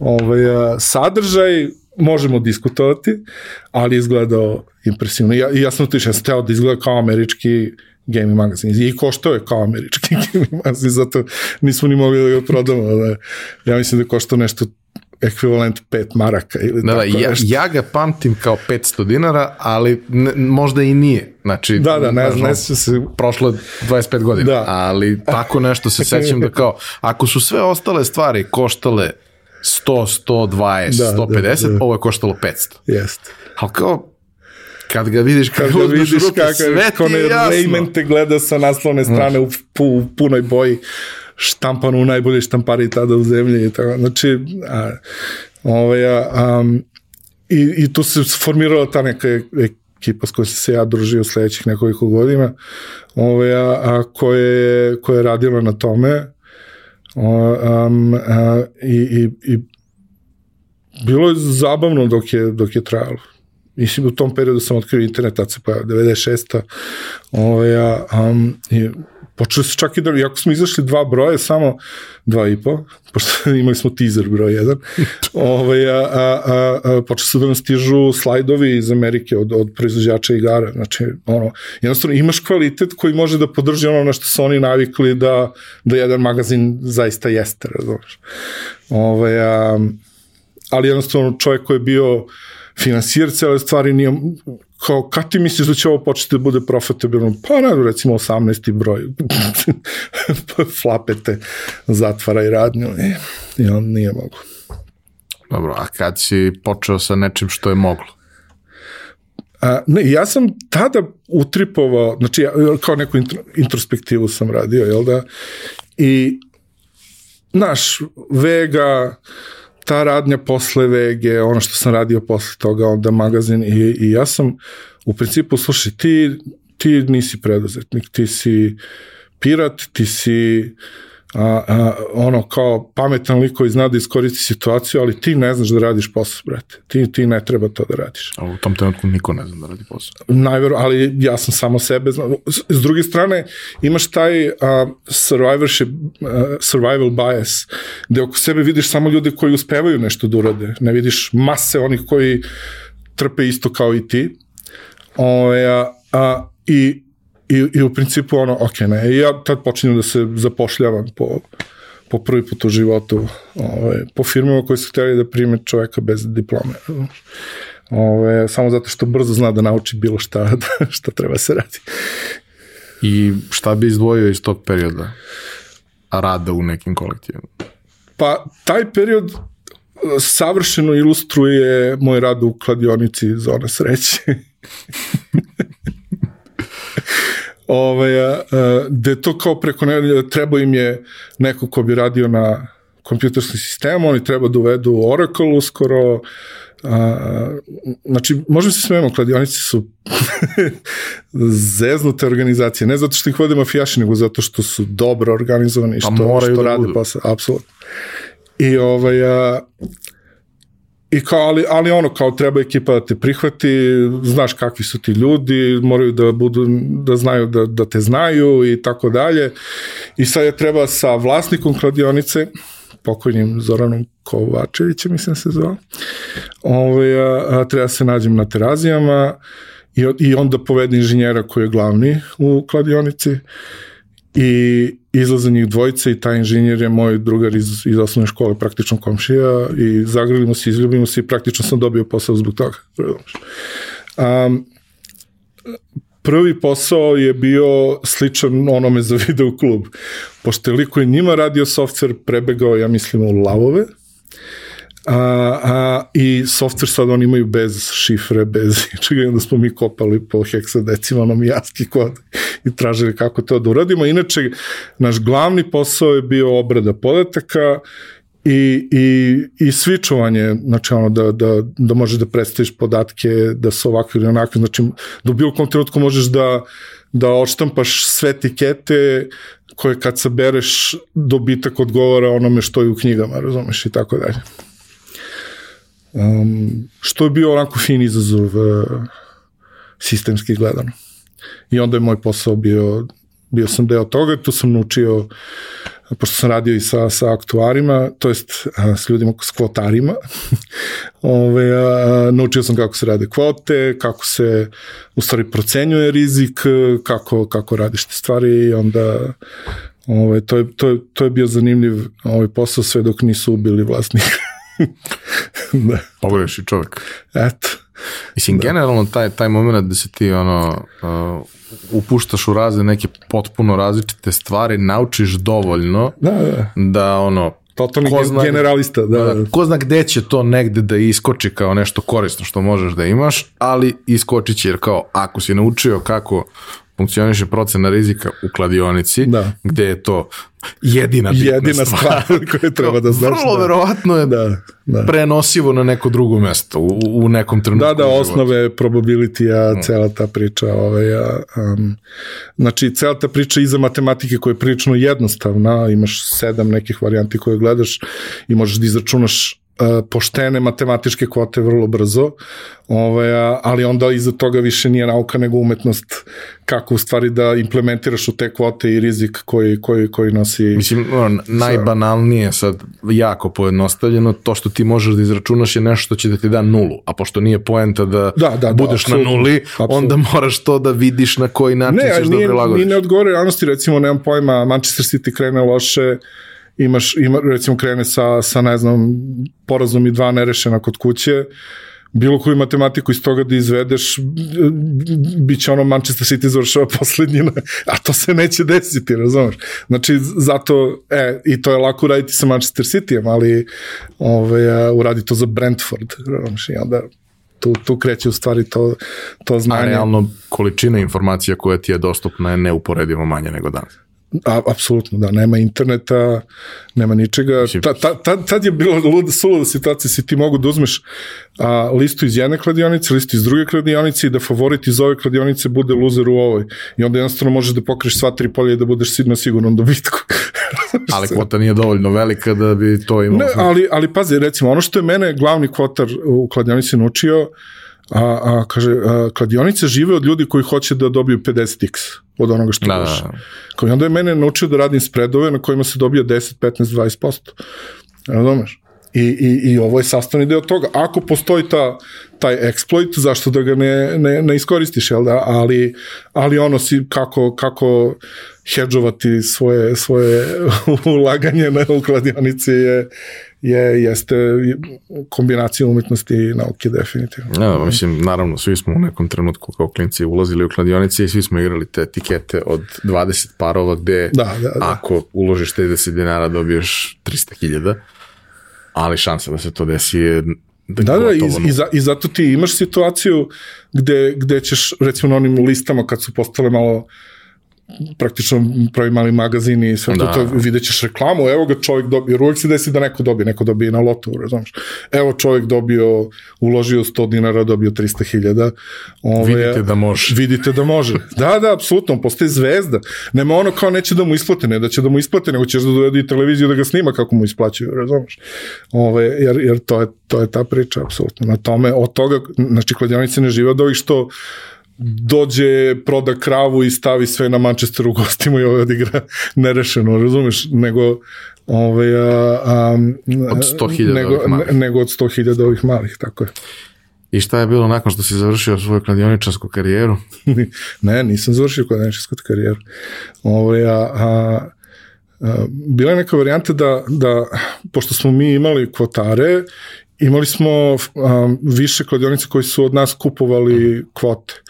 I onda kad se zona sreća, mislim, raspala, jedno od njih je bilo u Crnoj Gori i oni nisu znali šta da rade i onda su me zamolili da dođem i da im napravim sistem da oni mogu da budu samostalni. I onda sam ja otišao tamo, pravio neko vreme I ja sada da, da me pitaš kako sam ja zaista, znači ja, ja bukvalno sam napravio sistem za, ne, ne znam kako bukvalno ne znam, kao jednostavno sam se sećao svega što smo radili i to sam tamo prenosio i trial and error i, ove, i na kraju je to profunkcionisalo i recimo za neke dve nedelje oni su bili samostalna kladionica. Dobro. Eto, recimo to. Onda sam počeo ja da se kladim onako malo industrijski. A, znači, sa, razradio neki svoj kvazi naučni sistem, naravno, jer naučni ne može da bude nikako, ovaj, a, a, jer ono kao imaš sve informacije koje treba da imaš u samoj kvoti, razumeš, i onda, jer tada su kvote bili mnogo jednostavnije nego, nego sada. Ove, ovaj, i, i, I u principu, ono, ja sigurno nekih godinu, godinu po dana sam ja živeo od, od klađenja. Dobro. Dobro. Da, da, da, živeo od klađenja, to znači da nisam gubio pare. Zato ideš na 10, 15, 20%, hedžuješ. A, a, ne vezuješ se emotivno za timove, ne vežeš se za Fulham. Interesantno kako se većina, mnogo ljudi vezivalo za Fulham pre nego što je ove, a, Mi smo ih odgajili da, da dođu do ovde, da, da, da, da mogu da potpišu da. metar. Dobro. Ima čak i nadimak Fujica. Da. I, I onda u jednom trenutku kao ti hoćeš ovim da se baviš da ti no, fakt Odrasti, onda, onda sam, onda sam kao napravio onda sam napravio uh, sajt kao gde bih dao ono kao da se ljudi pretplaćaju da dajem ono, savete, znaš, ono, kao na, na koga da se dojave, klade. Dojave, dojave pre Da, ali ne dojave, nego ono što ja izračunam, znaš. Ove, imao sam, i, i bio sam skup, ono, nešto kao 100 dolara mesečno, šta ja znam. Imao sam jednu mušte. onda sam shvatio da treba da naučim digitalni marketing. Koji digitalni marketing tada? A, a, interesantno, ali pazi, a, recimo, jedna od paralelnih stvari u to vreme, a, što se ja vratio pirateriju, ali ovog puta muzičkoj, um, i, i zajedno sa jednim drugarom smo snabdevali one kioske ispred CKC, ne sve naravno, daleko od toga, ali par. Zna se da je gro dolazilo iz Bugarske i da je ekipa u da, Beogradu da, da. dizajnirala kavere. I, e, inače, moj, naj, pošto smo mi imali znak, mi smo se zvali Mossad, Ministry, Ministry of Sound AD, i imali smo, imali smo mossad.com i najviše posete je bilo iz Egipta, iz Izraela, ne, ne, ne znam ne zašto. zašto. da. Ove, ovaj, a, a, znači, Ministry of Sound akcionarsko društvo. I a, po onom klubu u Londonu, plus Jasne. I ovaj, a, um, i nabavili smo, taj, taj ortak je preko nekog svog kolege nabavio onu mašinu za, za drukanje. Uh, i, I radili smo te neke niše, to mi smo doveli kubance, ovaj, a, jazz, znaš, takve stvari. Znači, ne ono što, ne ono što bi da Bugari, da ja, ono što ne ide masovno, razumiješ. A, mada, mada smo imali par stvari koje smo mi radili, radili smo i i ovaj, a, kompilacije i, i par tih, pošto smo imali svoj znak, je završilo u Bugarskoj i, i pojavilo se ovde kao umnoženo sa našim znakom. Tako da to je bilo dobro. A, i, I to me je dovelo i do znači, ali naravno nisi ništa u tom poslu ako ne učestvuješ na berzi u SKC-u koja je bila da beše subotom ili nedeljom gde, gde dolaze svi koji prodaju te diskove i kupuju i meni je trebala katedra tamo i onda uz pomoć a, a, jednog od vlasnika kioska sam saznao da ovi pokreću radio SKC i onda sam se ja ponudio da im napravim radio, ali da mi za daju, daju mesto na berzi. I, eto, i onda sam im napravio radio. na kome su se dešavale nerealne stvari narednih godina. A, e, ja ne znam, ja sam bukvalno do, do izbijanja, do bombardovanja bio sa, sa SKC radijom. Znači, bio je automatizovan, a, a, ono, niz MP3-eva je išao i bile su ono situacije da usled nekog gliča slušaš istu pesmu recimo 6 sati tokom noći, razumeš ili tako nešto. Ali znaš, to je, ja mislim da je prvi automatizovani radio. Ne mogu da garantujem, ali sigurno jedan od prvih automatizovanih gde, gde se ovaj, a, a, vuče, vuče muzika u tom. Znači ne mora niko da bude u, A kada bi neko bio tamo, to ali da, to nije, to nije da, da, druga da. tema. I onda kad je, kad je došao kad je, kad je krenulo bombardovanje, onda sam ja ovim uskrcu rekao je čini mi se da zakon nalaže da mi sad obustavimo program i da preuzimamo program Radio Beograda, mislim da je to zakon u ratnom stanju, oni su proverili, složili se i onda je to krenulo, ja sam nikad nisam posle više, nisam ni radio piratovanja, nisam radio ni, ni radio ove, a, posle posle kraja bomba, posle rata. Dobro. A šta si radio pobogu? Gde? Posle, Posle rata? rata. Jer mislim, čekam da čujem šta je sledeće čudno. Pa Ja znam ništa- deo stvari, ne, ali sad tek shvatam koliko ne znam ništa. Ove, ja, koliko sam stvari preskočio samo, da. I to mi je jasno, nego... Mislim, baš sam mator, ja sam baš mator. Znam, znam. Da. O, ja, um, ali, ali to je proizvod toga, onoga, znači ono što mene drži ceo život, a to je da je meni zanimljivo da nešto Šizofrenija, jasno. da pokrenem, a onda mi to postane dosadno. Jel? Ove, um, sledeće je bilo, ne, ra- radio sam u nekom, kako se zvala ta firma, bilo je pored pizza parka kod železničke stanice kod autobuske stanice, MPS, ja mislim, ona staklena zgrada, potpuno van, van totalno, van okruženja, onako, a, a, a, i a, radio sam prodaju ovih kopir mašina, ja. ono, kao kraj 99. početak 2000. I, Ove, a, a, I tu sam učio kako funkcioniše prodaja ovde. A, ja sam inače u isto vreme jako dobar i jako nespretan prodavac. Ove, a, a, jako sam dobar kada prodajem ono što verujem, što znam, jer znam da može da ti pomogne. Ove, a, što mislim da, da svi ljudi lako prodaju tako nešto. Ove, a, ali nemam, nemam sistem, nemam tehniku, nisam obučen, ništa od toga. I onda, pošto sam počeo da prodajem tako po prvi put u životu kao neki proizvod koji ja sam trebao da prodam nekome, ovaj, taj proizvod je freaking kopir mašina i to one poslovne kopir mašine što su ovoliko visoke. I, ovaj, ja, um, i, i nađem ja tu neki sistem koji meni savršeno odgovara. Inače ja sve što sam radio, znači tu periodu kada sam radio za druge, znači ono zaposlim se u nekoj firmi, ja gledam da organizujem da ja naj, najmanje moguće radim, ovaj, jer znam da će mi dosaditi jako brzo ako ja puno nešto radim, ako istrošim to svoje zanimanje za, za to što, što radim. I meni je tada, tada prodaj u tom smislu, ok, prodaj, ve, ono, sasvim je tad sve bilo, mogu sam da pređem na veš mašine da prodajem ili bilo šta. Ovaj, ja, um, i nađem sistem koji se zvao, ja mislim, Sandler Sales Institute ili tako nešto, Dobro. koji je praktično omogućavao da budeš detektiv Columbo kada prodaješ, znači da budeš potpuno ono, da ne znaš gde si, ali da, znači praktično nije baš da kupiš iz samilosti, znači ne ta vrsta izaz, izaz, da izazoveš eh, s- Sažaljenje. sažaljenje, nego a, ovaj, da, da, da praktično um, uh, eliminišeš onaj kupac-prodavac odnos koji se automatski generiše kad ti hoćeš nešto da prodaš. I da vidiš da sam ja samo još jedan tupson koji koji nešto radi neki posao i da vidimo da li ti ovo stvarno treba i da li ti pomaže u poslu i tako dalje i tako dalje. Eto, ta, ta neka priča. I, ovaj, i, i, i, i to je funkcionisalo za mene, pošto ja jesam takav i bez tog sistema. tako da. Ovaj, um, Prodoka, prodavao si fotokopir mašinu. fotokopir mašine, da. Jer šta da radi, ono, rad se završio i ja sam počeo da gledam oglase. Na, nešto sam hteo da se zaposlim kom, a, kako beše ona izdavačka kuća što je radila mikro, Mikro. Mikro knjiga. mikro knjiga.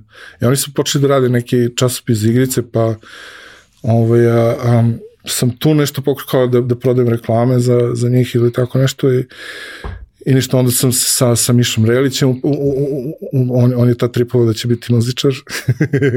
Sećam se Ove, i toga. Da, da, on- onda sam uradio, na, jer tad, ja sam tad već postao prilično, znao sam a, a, ne baš toliko, tad je bio ASP više nego PHP ove, i HTML, ove, a ne baš toliko te jezike koliko ove alate u kojima možeš da praviš sajtove, jel da?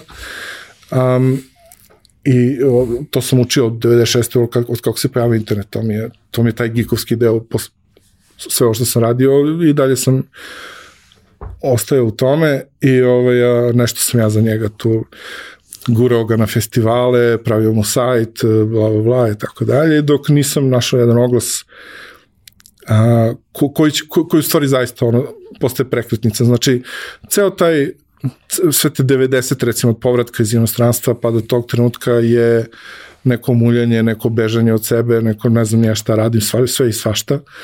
Ove, a, um, I a, Duel firma, Dunav Electronic, ovde u Ustaničkoj.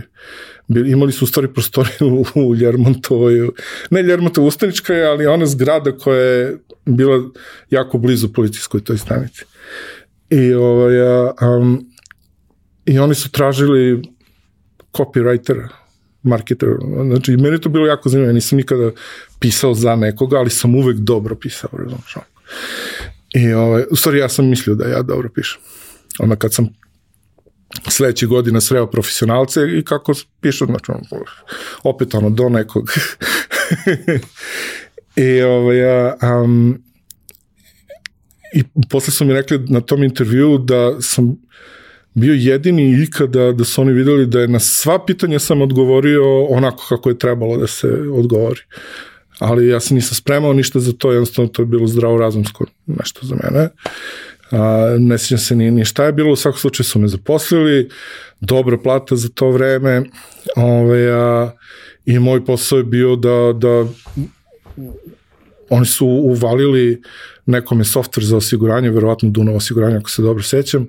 Imali su gomilu para, imali su jako uspešan POS a, odeljak, znači ono izrada softvera za POS aparate ovaj, a, i, i nešto što je krenulo kao web ekipa i, ovaj, a, i ja sam bio pridruženi član toj, toj web ekipi. Mislim, ne web ekipi, ali kao ja sam bio zadržan za sadržaj u, u toj firmi, ali vrlo brzo sam bio zadužen praktično za, za sve online marketing deo cele te priče. I tu otkrivam a, a, a, a, tada, tada još nije bilo SEO-a i ovaj, Google Ads, ali je bilo, bio servis koji se zvao goto.com, gde si isto mogao da da plaćaš pozicije na, na pretragama, razumeš? Nešto slično što je Google posle radio, pa je prestao.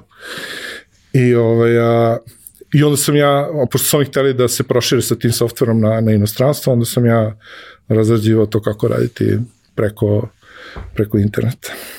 2000. godine. To je 2000. godine, da. I onda sam, naravno, deo svega toga mora biti analitika i onda sam praktično a, postali smo predstavnici Hitboxa, to jest website istorija, za Jugoslaviju. Mislim, to je bilo naravno fijasko, jer niko, what? ko, kome si mogu to da prodaš, ali je nama bilo super i meni je bilo super a, a, da, da, da se upoznam sa tako nečim. I tad je, ja mislim, da li prva ili druga ovaj, a, a, onaj simpozijum e-trgovina uh -huh. a, bila i kao i dosta stvari u životu što mene ograničava, ja bukvalno shvatim stvari i skapiram da je simpozijum u pitanju, a ne ljudi koji dođu jedni drugima nešto da prodaju. Ove, ovaj, a, a, I napravimo mi rad, Aleksandra Gaborović, Sonica i ja, napravimo rad ovaj, a, a, prednosti real-time analitike u odnosu na server log analize. Od 2000. godine. 2000. godine, da. Ok. Pošto je naravno Hitbox i Website Stories su real-time analitika, znači tagovanje, sve ono što danas radiš sa Google analitikom i sličnim. Ili smart oktom. Ove, a, a, i, i, I tako je krenuo taj moj put u analitiku, s tim da je bilo vezano za e-commerce, naravno, ne, ne za sam sadržaj, znači ono, moje rezonovanje. Ove, a, um, i, I to je isto bilo jako zanimljivo i um, i puno sam naučio o tome i opet odnosi sa ljudima. Naprimjer, ja sam bio i zadužen a, po, počeli smo da radimo neke a, a, outsourcing stvari. A, recimo, ja sam za to unajmio ekipu koja je imao pokojni večerina. A, bili su jako dobri, jako efikasni. I onda me tako nešto, neki norvežani su nas unajmili da im napravimo intranet, znači sistem interne komunikacije. Ove, a, a, I koliko god je večerina tražio para, mi smo to prodavali za 5x, recimo, tako nešto. I a, a, ovi naprave fe, fenomenalnu varijantu, pošlemo im CD, oni ubace CD, sa CD-a se proširi na celu mrežu, digne se na sve, ne, ne treba administracija, održavanje, ništa. Ove, a, a, i, I to naplate koliko naplate, koliko su tražili, toliko su dobili I sad priča ova, ova moja a, a, šefica me predlaže ono kao da bi trebalo da dobijem bonus jer sam to tako organizovao i ovaj glavni kaže, ma deki se to uvalio hiljadarku sigurno, već. Naravno da nisam. I, i ono kao, fuck, ono, kao, to, to tako se razmišlja o tome, znaš. Kao, je, je, jel tako razmišlja CEO jedne firme? Jel to ono, ovaj, a, um, i ta, tad sam lomio u sebi, ok, kao da mi to koljemo kume kad će već onako da priča svima da, da smo i klali, znači da počnem da se ugrađujem ili, ili ono kao da jednostavno prestane radim. I sad, moj način na koji ja krećem da se, ne svetim, nego da naplaćujem svoje, ja, počeo sam da radim svoj projekat u okviru ove firme, a to Jadran Sport smo digli, znači priča iza toga je totalno neverovatna, jer sam ja iza, iza prodaje ovih e, kopir mašina krenuo da radim za jednu sportsku agenciju, novinarsku, ovaj, koja je izveštavala za Jugoslaviju, a, to jest o Jugoslaviji za onefootball.com. I ja postanem sportski novinar i, i budem dobar, toliko dobar da kad sam izašao iz agencije, oni su sa mnom sklopili ugovor da nastavim da pišem za, za, za njih. Ove, a, i, i, i jedan lik koga sam tada upoznao i s kojim sam postao prijatelj, dan danas smo jako dobri prijatelji, ove, a, je, je pokrenuo ideju kao zašto mi ne bismo napravili sajt za celu XU i da pokriva, tada je bila samo sportska centrala za koju već tada si morao, ja mislim da plaćaš da bi... Da Mogu si neku da osnovnu informaciju da dobiješ, ali da, da, da. neki, neki autorski sadržaj malo kompleksniji si morao da plaćaš. Tako je. Što mi, je, što mi je bilo super, ali je takođe bila i prilika, ok, mi ako imamo freemium model, možemo da se... No, mislim, ono, da se mislim da je Aca i tada gledao da to predstavi dijaspori, jer to jeste bilo najinteresantnije. Jeste, da. I I onda smo se, znači, um, a, Aleksandra i ja iz Duela, i još jedan lik iz Duela i Damir, ove, smo napravili tu ekipu koja je razrađivala Jadran Sport. A, glavna, glavno reklamiranje, spamovanje je išlo preko ICQ-a. Ove, um, I vrlo brzo je to, ja mislim da je to za to vreme bio dobar trafik, to je došlo na 3-4 hiljade poseta dnevno. Ove, um, ali niko tada nije se reklamirao na, na webu, znači naš biznis model je bio, bio je neki lik koji je prodavao kasete sa utakmicama i viđao se reklame po busevima. Da, da. I onda smo mi njegov onda smo mi njegov katalog prebacili na web i, praktično smo izgradili e-commerce za Jadran Sporta, ovaj gde su gde su dijasporci mogli da poručuju ovaj video video kasete, video kasete sa utakmicom. I ne znam, su tu i dresovi, pa smo onda radili za, za live score, koje je tada recimo godinu, dve, sve vreme radimo za onefootball.com, a, a, a live score je tad već tek krenuo, australijanci, Ove, a, a, i onda su naše vesti bile u onom desnom ovaj, desnoj koloni pored e, samih live score. Onda smo mi počeli da radimo live score, pa smo kopirali od njih, pa su nas nahvatali, stavili su lažan rezultat koji smo mi preneli i ovaj, onda sam se nekako izvukao iz toga ovaj, a, a, i počeli smo da radimo kako treba. A, ali kad imaš malu ekipu i puno posla, onda nekad podlegneš takvim stvarima jednostavno, ono, kao ne znam koji je rezultat, šta je na live skoru, to je upiši, znaš. I jedno smo tako upisali gol koji nije pao i tako su nas uhvatili. Anyway, ovaj, a, a, um, iza toga je trebao sad taj moj, znači to je moglo da, da, da, da preraste u nešto. Ok? Već smo tad izašli iz firme, to je moglo da, da, da preraste u nešto, međutim, ja se setim da, da, da sledeće godine, to je već 2001.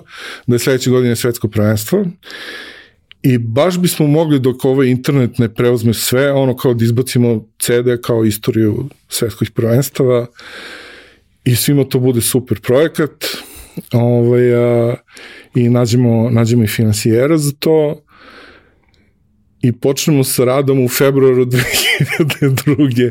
Svetsko prvenstvo počinje u junu 2002. Šta zna malo dete šta je četiri meseca za izradu tako nečega. I pazi, izbacili smo CD u prvoj nedelji svetskog prvenstva. Znači, ipak smo ga, ipak smo ga napravili, bio je pristojan, ali naravno, biznis totalno flop, mislim, ne, ne možeš da prodaš nešto. To je bilo nešto, neko ne. vreme kad je ono, kad su postojali ti multimedijalni CD-ovi. Jeste, jeste. Da, ponekad zaboravim da, da ovo slušaju ljudi koji nisu moji vršnjaci.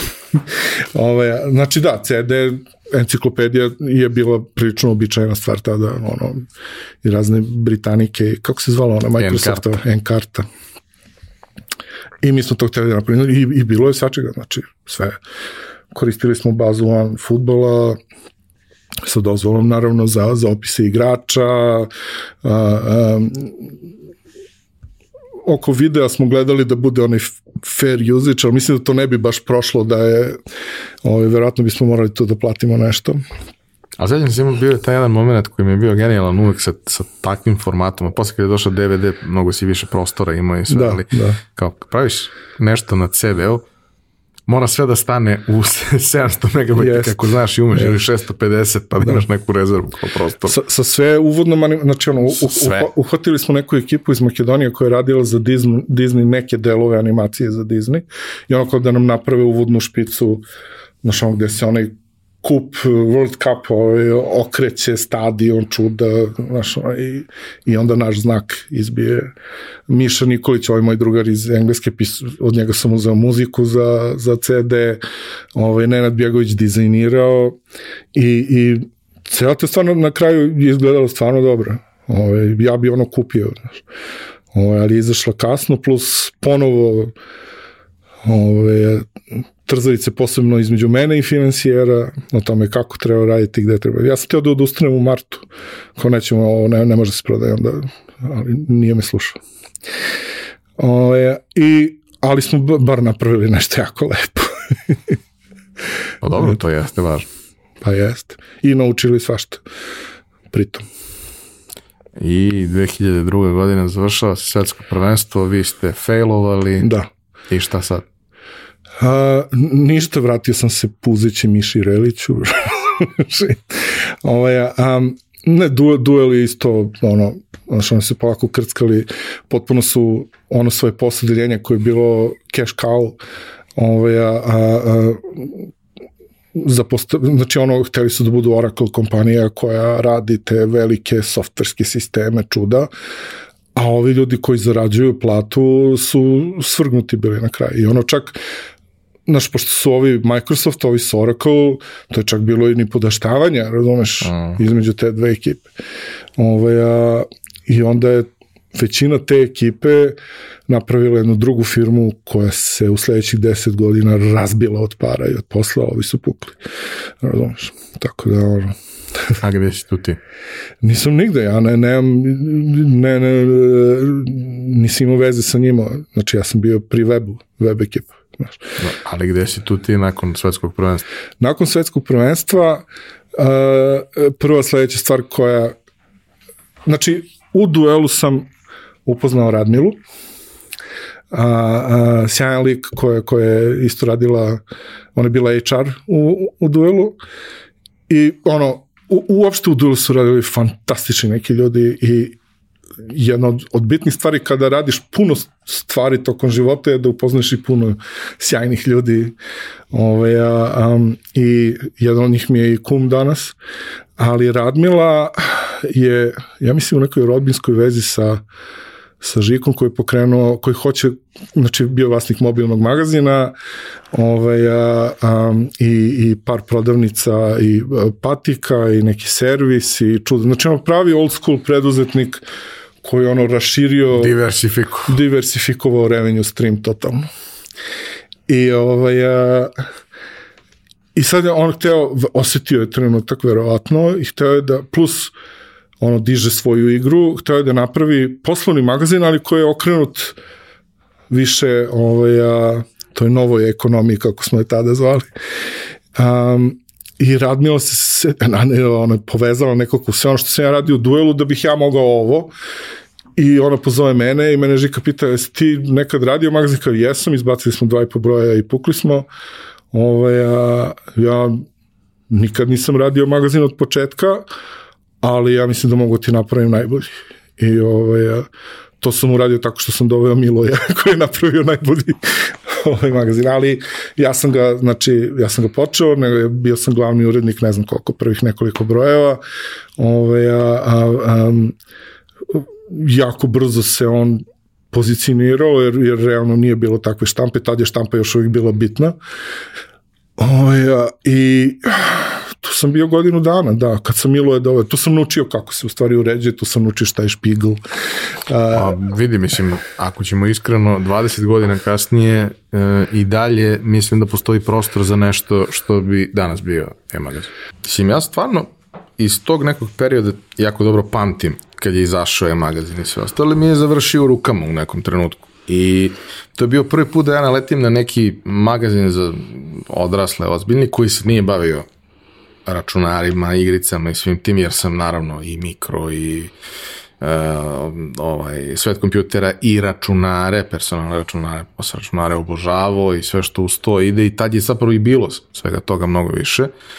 Ali sve ove ostale stvari koje su postojale kao za odrasle, su generalno bile dosadne. Nekome, yes. kao što sam ja, bili su i napisane na nekom jeziku koji, koji mi nije ni malo prijao i prelom je bio jako old school i ni, jednostavno to sve nije bilo prijemčivo nekom ko nije više dete, ja imam 16-17 godina tad i svašta nešto i već sam ja krenuo neku svoju priču, ali nije podsjećalo na te časopise o računarima. Da. Nije bilo nešto slično, onda se desilo to da vi napravite je magazin koji je bio magazin za 21. vek o nekom poslovanju koje je opet u, u našim uslovima za 21. vek. Da. Najviše me podsjeća na ono posle 2000-te u izdavaštvu. da, da, da. A, kako je zapravo došlo Jest. do svega toga? Znači, tu je već postojala infrastruktura. Znači, a, bili su ljudi koji, koji prodaju reklame, bio je čovjek koji radi dizajn i prelom, bio je fotograf, znači oni su već imali mobilni magazin. Koji je isto bio wow. Ko, koji je isto bio sjajan, Marko Tanasković. Znači, um, um, i Srđan Crnogorac, jel da? I, i cela ta, ta, ta priča je već bila uigrana, taj, taj neki zanatski profesionalni deo a, a, a, e, sklapanja magazina. Ok, ja sam od njih učio kako se sklapa kako da, kako da isprogramiram sadržaj na, na, na, na određenom fizičkom prostoru, jel da, što do tada a, a, u, u levelu je recimo se dešavalo da, da se jednostavno članak ne završi, u sred rečenice bude na kraju na kraju strane. Ali izgledalo super. Ali izgledalo super. Mislim, sjajno je izgledalo.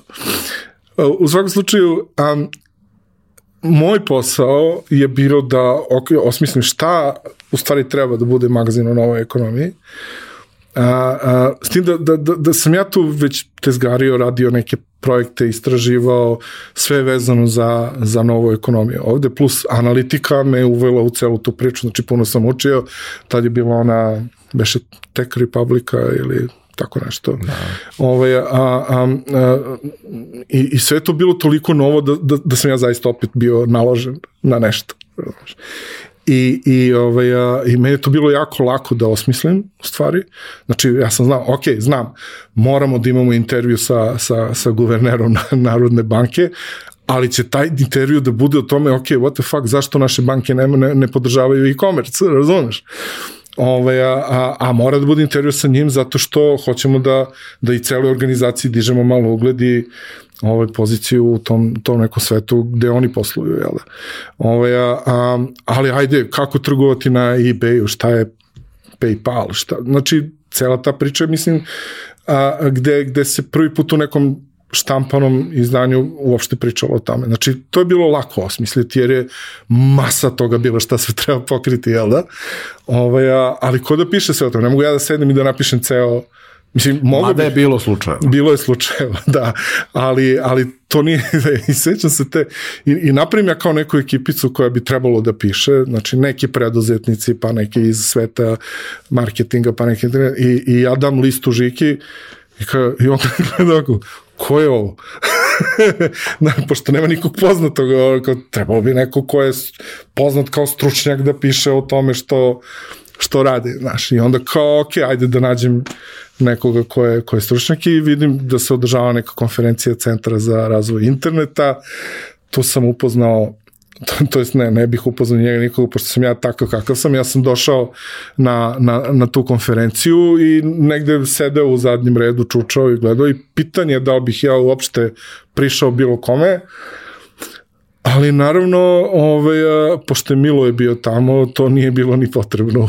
Uopšte, on je prišao meni, zdravo, kako si, ko si, šta radiš, imam to, e, super, možeš da upoznaš ovoga, možeš da upoznaš, i praktično a, a, direktno i vrlo malo indirektno ono kroz stepene razdvojenosti, jel da, ovaj, a, a, a, da nije bilo Milo, ja nikoga ne bi ni znao, ni upoznao. Znači, ono, sve ko, ljudi koje ja znam iz, iz a, internet poslovne zajednice sam upoznao preko, preko Miloje. I, ovaj, a, I on me upozna s tim ljudima i onda polako je krenuo, počeo on da piše, pa me on e, povezao sa Varagićem, pa je Varagić naravno pisao, pa ja mislim da čak i Torbica napisao, znači uglavnom, ok, kreće, kreće ta neka ta neka ovaj ta ta neka internet creme de la creme ovaj da da da na neki način bude involvirano sve ovo. To je bio deo. Znači, to nije bilo sve, to ali to deo, da, da, da. Ne, bio je ovo je ozbiljan deo, znači bilo je o bankama, o osiguravajućim društvima, mislim ozbiljan deo i ovo je ozbiljno, ali, ali, ali je meni taj deo bio zabavan, zato ga ne smatram ozbiljnim, a ovo mi je bio deo gde nađem nekoga ko zna o tome nešto i onda mu potpuno preplašte Znači, tam i, um, uh, i naravno jako sam se zabavljao tim što sam ja pisao, s tim da sam ja pisao malo drugačije nego što ljudi pišu u tim, u tim magazinima i ove, uh, ja, ja volim da ispričam priču, pa da na tu priču nadovežem ono što je u stvari tema i tako dalje, tako dalje.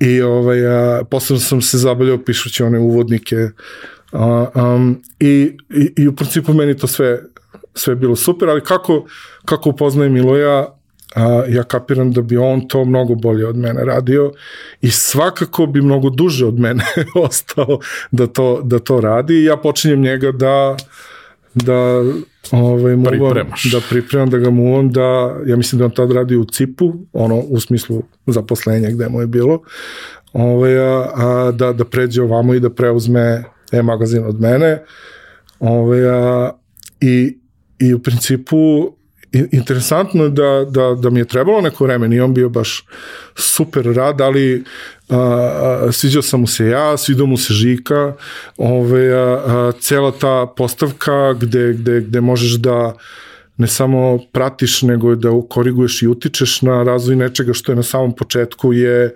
fantastična pozicija, razumeš? Isprilično sigurno je ovaj, sigurno, sigurno ugla i, i ovaj, ja mislim da je on od četvrtog broja već bio u, u, u e-magazinu. Um, mislim da smo bili par brojeva kao zajedno nešto je bilo kao on glavni, ja odgovorni ili obrnuto, nemam pojma. Ovaj, na Teško da ste bio odgovorni, ali dobro. pred zakonom. Ovaj, ali, ali na kraju, na, naravno, on je bio glavni odgovorni urednik. I a, mene je na taj način da pišem ovaj, na, naučio Voja Mihajlović, a, urednik sveta kompjutera. I svet kompjutera je po tome bio poseban. Tako je. Ovaj, a, a uređivanje sam naučio od Miloja. I sad, on nije pre od toga, ja mislim, uređivao ne znam kako je, po nešto jeste radio, ali nije bio glavni urednik nečega, ali on, on, je, bio, on je inženjer. I sećam se, znači, prva, prva moja velika stvar, znači, bio je jedan jako dobar članak koji je trebao da ide na stranu i po, ja sam ga, nekako sam uspeo da dve strane odvojim za njega, ali trebalo sam mu tri strane, tri strane nisam mogao da odvojim za njega. I ne znam šta da isečem. Sve, sve je lepo složeno, ovaj, ne, ne znam kako da uredim članak da, da toliko mesta ovaj, izgubim, a, a, a nisam teo da zovem ponovo jer sam jedva nagovorio čoveka da napiše i ovo. I Milo je baš dolazi ja počnem da mu kukam, aha šta, daj da vidim. I uzme ono, nije pročito rečenicu jednu. Samo jedan otprilike poveliki odeljak koji je onako kao ostrovo bio, zaokružio i preškrabao. Evo ti, rešenje. Razumeš, mora da ide na dve strane, ne može da ide na tri strane. Znaš, i onda je uzeo, video je da je celina i cela celina ide napolje i kaže ovo možeš možda za sledeći broj kao poseban tekst ili nešto tako. I, i, eto, to, to, je, to je milo, je, znaš.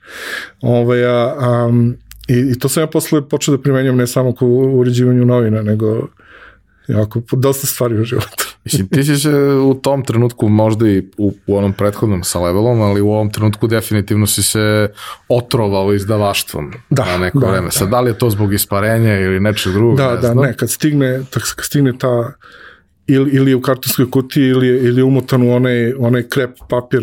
Ima taj moment što kaže u pošti štampana sa, stvar. Štampana stvar sa konopcem onako uvijena, razumeš? I ovaj, kad to otvoriš i otvoriš prvi onaj i da, znači kokain totalno treba to, znaš, i, i na kraju kraja poznato je da svi mi koji smo ono internet delatnici u stvari žudimo za, za nečim pipljivim. Nešto što možeš da dodirneš. O, ovaj, a, a, i, I da, tako je, jeste level bio prvi i to neko iskustvo pre toga, ali e-magazin je prvi ovaj, posle toga a, a, sam radio security za Baneta Anđelića, a, a, inače sam rešio da odem jer Milo je preuzima moju ulogu, z, već se videlo kod šestog, sedmog, osmog broja koliko je on digao, znači ja sam bio dobar, ali on je digao za još jedan stepen. A, a, a, a, I kasnije tokom godina još više gore ka, kako je to ovaj, bilo dobro. Um, a, a, a ja sam onda skapirao da, mislim, treba da odem i, i, i otišao sam. a sam onda pokrenuo sa, znači, Bana Anđelić je kupio taj časopis, trebalo neko da ga radi, ali nisam bio urednik, nego sam prodavao reklame. Znači, to je, to je bio moj posao. Inače, u, u e-magazinu su svi mogli da prodaju reklame, nema veze, ako doneseš pare, ti imaš svoj procenat, ne sjećam se koliko je bilo, 15 ili 20%. Ove, a, ali jednostavno, ja kao glavni urednik sam takođe i Milo je kasnije sam bio u situaciji da mogu to da uradim, ali znaš ono, ja sam išao na to kao da se podrži nova ekonomija, bla, bla, bla, znaš, ono, praktično pokušavam onako kako se priča early adapterima, da ih uvedem u ovo nešto novo, treba biti tu s početka, čovjek koji je profesionalac, koji, koji je prodavao reklame i za, i za mobilni magazin i preuzeo i e-magazin, je to radio na, na potpuno drugačiji način, a, gde je išao na, na, na neke niske one zajedničke parametre i interesantno, napravio sam bio eksperiment, ok, zvao sam jednog koji sam inače trebao da zovem jedna banka da počne se reklamira kod nas, ja mislim da je jedna od redkih koje se nije reklamirala u e-magazinu i rešio sam da iskopiram njegov stil. I zovem tog čovjeka koga znam i počnem, e, brate, slušaj, što imam dobru stvar za tebe. A, a, a biće guverner u magazinu i biće draginja u magazinu. To ne možeš da propustiš, brate. Znači, to će svi da čitaju, to će svi da gledaju, daću ti dobru poziciju, daću ti dobru cenu, šta kažeš? Ok, može. Da sam ja svojim stilom sofisticiranim, jel da? Ove, a, bilo bi pregore oko cenije, oko pozicije, oko ovoga, onoga. Ne, brate, name dropping, on je moj brat, ja sam njegov ortak, idemo posle nešto, nemam pojma šta, da, da, da, da, i tako se stvari to sam naučio prodaju. I shvatio da ne želiš to da I shvatio da ne želim to da radi, tako je. Mislim, taj moment gde, gde ti kažeš još kod fotokopira aparata, taj moment da kao nemaš problem da prodaješ stvar u koju veruješ. Da. A niko nema problem da prodaje stvar u koju veruje. Čak da, da, da, pa to introvert rekao, da. će dobro prodavati yes, stvar u yes, koju veruje, yes. zato što veruje u nju. Tako je. Ali kao, što kaže jedan moj ovaj, nekadašnji blizak poznanik, sad ne viđamo se toliko, prodaje počinje onog trenutka kad kažeš ne. Kao, brate, ja kad kažem ne, to je, to je kraj. Da, da. Nema prodaje No toga. means no. Ali naravno, kod velikog procenta ljudi to nije tako. I naravno da kad ono iskoristiš sve te koji su lake mete u smislu da oni to stvarno hoće da kupe, samo treba da imaju informaciju, da bi napravio neki rezultat moraš da radiš tu konverziju nevernika u, u, u one koji žele da uzmu. A to je nešto što u principu vrlo mali broj ljudi može da radi, žele da radi, a naročito jako, jako mali broj ljudi može da radi dugo. Da. Da možeš da radiš par godina, zaradiš nekakav novac, ali onda gledaš da bežeš iz toga. Ko da bere da mu to bude karijera, najčešće je osoba s kojom nemaš posle popiš kafu. Ne znam, ja, znači ljudi koji pro, prodaju nekretnine i polone automobile, ja ne znam kako oni, to su obični ljudi koji to rade veći deo svog života, ja mislim, jer, jer je takva vrsta posla, takva vrsta investicije. A dobro, znaš šta, nekako ima tu jedan moment samo uh, u oba slučaja, a to je da stalno prodaješ nešto drugo. Znaš, Da. ni, ne prodaješ ti isti stan Mm. 20 godina, ne prodaješ ti isti polovni to i ne prodaješ jedan, nego ih prodaješ Da, kod No. magazina reklame to što svaki sledeći mesec krećeš sa praznim stranama gde treba budu reklame, razumeš? Tako I u da, principu ono što, ono što negde danas svi pokušavamo nije da prodaš ovo, nego da prodaš 12 meseci. Ili Da, da, 24 da imaš, meseca, a da to, je- to tad bilo skoro sponzorstvo. nemoguće, da. Kad krećeš iz nule svakog, svaki broj, svaki broj nisi siguran da li ćeš da preživiš. Apsolutno, da. Znaš. I uvijek postoji neka rezerva i ljudi su spremni da neki otrpe period ili da naprave ono, season break zato što znaju da će loše ići prodaja, ne znam, leti ili kako god. Ali mnogo je lepše kad ono, makar ne krećeš iz nula, nego krećeš iz 40%. Pa ćeš 60 da namakneš, ali imaš nešto. da. Nikolić, nećeš da oboriš Erce- Ercega sigurno, jer samo jedan Srđan Erceg, Erceg, samo on, on će imati, on, on će doći do osme epizode i onda ćemo samo da okrenemo osmicu na beskonačno i ostatak će biti beskonačnost, ali došli smo do, do 20 godina unazad i na dva sata smo. Bilo bi Da, previše da, da, da, ispričamo da. sve Ok. danas, ali hoću da napravimo neki teaser. Uh, ono po čemu tebe ljudi znaju u zajednici je neki period koji sledi iza e-magazina, odnosno mi što smo duže tu, ne nužno stariji, mada i ja sad imam 37 godina, Tad sam se pojavio u zajednici, realno, da.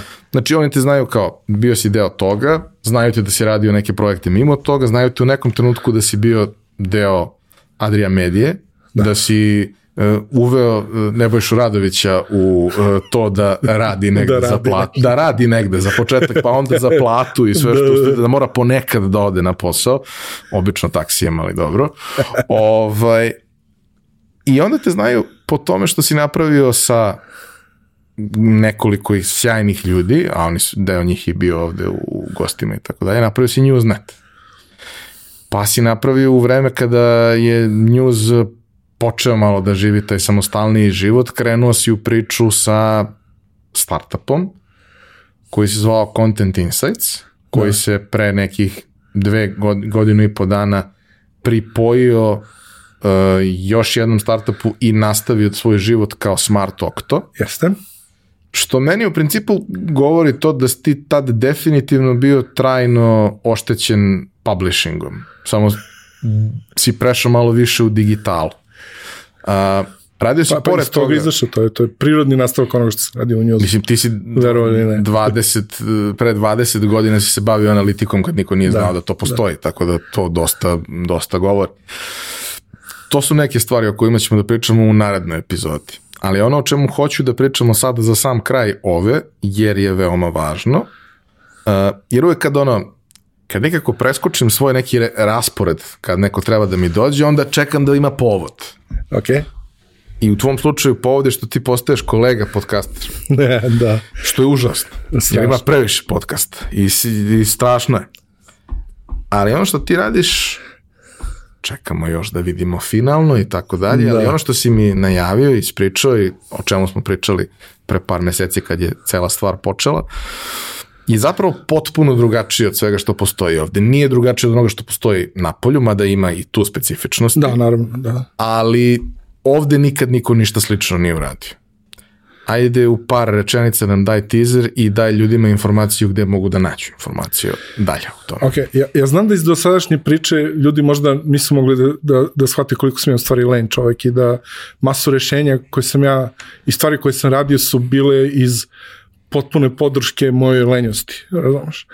I, a, a, i, i u principu i, i ovo što to što sad počinjem da radim je rezultat toga, jer moja ideja je bila, posebno kad je udarila pandemija, da ja napišem knjigu koja bi sve, sva moja iskustva iz fundraisinga, a, jer, sam, jer smo mi bili jedan od prvih startupova na ovoj, na ovoj teritoriji koji je uspio da digne neke milijonske a, a, sume a, investicija venture kapitala. Ovaj, a, kako, kako taj put izgleda i da u toj knjizi prenesem sva svoja praktična iskustva i znanja ovaj, kao neki priručnik za, za tako nešto, jer, jer problemi startupova na, na tom putu, znači kad su pre-seed, a, a, su prilično univerzalni, prilično isti, posebno ako su u SaaS, a većina su software as a service. Ove, ovaj, a, a, i, I onda sam to hteo da uradim, da izbacim to iz sebe, jel da? A, ali kako je teško pisati knjigu, brate. Pričaš pogrešnoj osobi, ali... Znam, razumem. ti si za tri dana napisao knjigu, ali kako je meni teško pisati knjigu. to je moment koji ja pokušavam da objasnim ljudima kao to, e, ti znaš da pišeš, ja znam da pišem. Da. Tekstove. Da, da, da. Tekstovi su uzmeš, oznojiš tri sata ili pet ili dva puta po sat i po i završio si ga. I ono, sad si prebrinuo i narednih x dana ne moraš da se baviš time. A knjiga nije tako. Da. Mislim, u mom slučaju jeste, ali to, to nije baš uobičajan slučaj.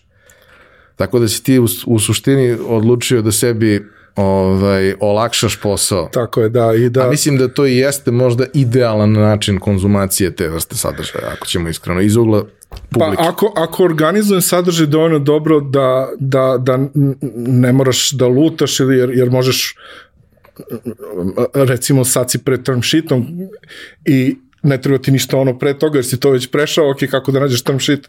U knjizi lepo imaš poglavlje o term sheetu, ovde bi trebalo da nađeš epizodu koja je u term sheetu ili one deliće epizode koje, koje o raznim ovaj, mehanizmima u term sheetu ovaj, i onda a, je malo nezgodnije za pretragu, ali je mnogo lakše meni da, da, da izbacim sve to. I, um, i daje mi više, više prostora, više mogu da se razmahnem, a, ne obraćam toliko pažnju na stil ili nešto, jednostavno sam ja ja i ove, um, a, jednostavno dampovat ćemo 20 epizoda odjednom, znači nema ništa ono Mislim, nastavit ću vjerojatno dalje jednu nedeljno, ali sve što je potrebno za taj put će biti u tih 20 epizoda koje će ovaj, biti online a, a prvog, prve nedelje septembra, znači već, već je online. Ćeš staviti link u opis. Hoću, naravno. da. I šta je bitno, nisi nigde pomenuo, zove se Founder Friendly. Zove se Founder Friendly. A, a, pot, a, Founder Friendly je inače inačica koja se daje investitorima koji imaju lepe uslove, znači friendly uslove za, za startupe u koje investiraju. I obično se bave njima. Da, pa mo, može biti i ne mora, može biti i ne mora, ali, a, a, a, ali da, pomažu svaki put kad, kad mogu da pomognu, apsolutno. U smislu, to je smart money i to su ljudi da. koji će uložiti tu svoje konekcije, neko možda svoje znanje, gomilu nekih ali, stvari koje nisu nužne kad imaš investitora. Tako, ja imam, a, znači u, u mojoj firmi investiralo četiri institucionalna investitora, od toga je samo jedan smart money u smislu da ima deep ovaj, background na, na, na, na našem tržištu, a, a, a ova tri su founder friendly, a, bez obzira što nisu smart money u tom smislu, s tim da, ok, da, naravno, pomagali su nam oko financije i cel, celog tog dela koji nije vezan za samo, ali, ali realno nisu znali u tom tržištu ovaj, mnogo na kojem jesmo, znači um, što, što, što je još jedna od tema koj, kojom će se baviti u podcastu, to je da ovaj, um, da investitori investiraju u ljude, ne u ideje. I to je nešto što da. je i moje iskustvo. Ja sam Tako pitao je. svoje vremeno, imao sam 22 godine kada sam prodao udeo u firmi i dobio investiciju za neki naredni period i tako da ja spitao ljude zašto vi meni dali novac. I oni su mi rekli, mi ništa, nama ništa nije bilo jasno šta, šta ti radiš. Mislim, bili su u tom biznisu, da, da, ali im da. ništa nije bilo jasno i ništa nije bilo jasno tržište o kome u tom trenutku pričamo, koje je Srbija i ne postoji. Da. Jeli? Ali kao, mi smo imali tri ručka sa tobom i nakon trećeg ručka smo rekli mi njemu moramo da damo priliku i to je to. Kao, šta će da bude od toga nemam pojma, da. ali bili bismo kreteni ako mu ne bi dali šansu, jer kao pametan si, vredan si, dobar si i stalo ti je više nego što mi možemo da razumemo. Kao, da, da. To je to. Go for it. Tebi ne mora svaka malo da lakše da nego meni, ali to je the gist of it. da, da. Dobro, ja sam bio mlađi, pa sam verovatno bio simpatičan kukućni ljubav. Da, da, da, da. Mislim, rekli su mi u jednom trenutku davno, jer je moja firma tadašnja bila ubedljivo najmanja u celoj grupaciji od 40 firmi, kao, ti si naš pet projekat. to, da se ne lažemo, kao ti si naš pet projekat i ono, nama je super da imamo klinca koji je koji je toliko posvećen, verziran, kome je toliko stalo. Ko, koje to godine bilo? 2007. Da, mislim, i to zvuči zastrašujuće jer je bilo Da. pre 15 godina. Nikoliću, bilo je zadovoljstvo. Takođe. Ovo je Dakle, prva epizoda, vidjet ćemo koliko će ih biti, verovatno će ih biti više, u drugom ćemo se, drugo ćemo se I ja, baviti i ja bih zapravo- htio da pričam o mentalnom zdravlju isto. ovaj, bavit ćemo se više ovim čime ćeš se i ti baviti u svom podcastu, ali i Da, ostalim da, delom da, da. Ovaj, puta, tako da odmah da, da, da najavimo ljudima. Ja se nadam da je vama ovo bilo interesantno. Mislim, čak i ako niste znali ko je Dejan, prilično je zabavno. A ako ste znali ko je Dejan, sad malo bolje znate ko je Dejan. Odnosno, kako nastaje ovakav čovek kakav je danas bio sa nama. Hvala vam što... Takođe još i mnogo čipsa i Coca-Cola. Da. Hvala vam što ste nas slušali ili gledali. E, to bi bilo to za ovu nedelju. Vidimo se ponovo naredne nedelje.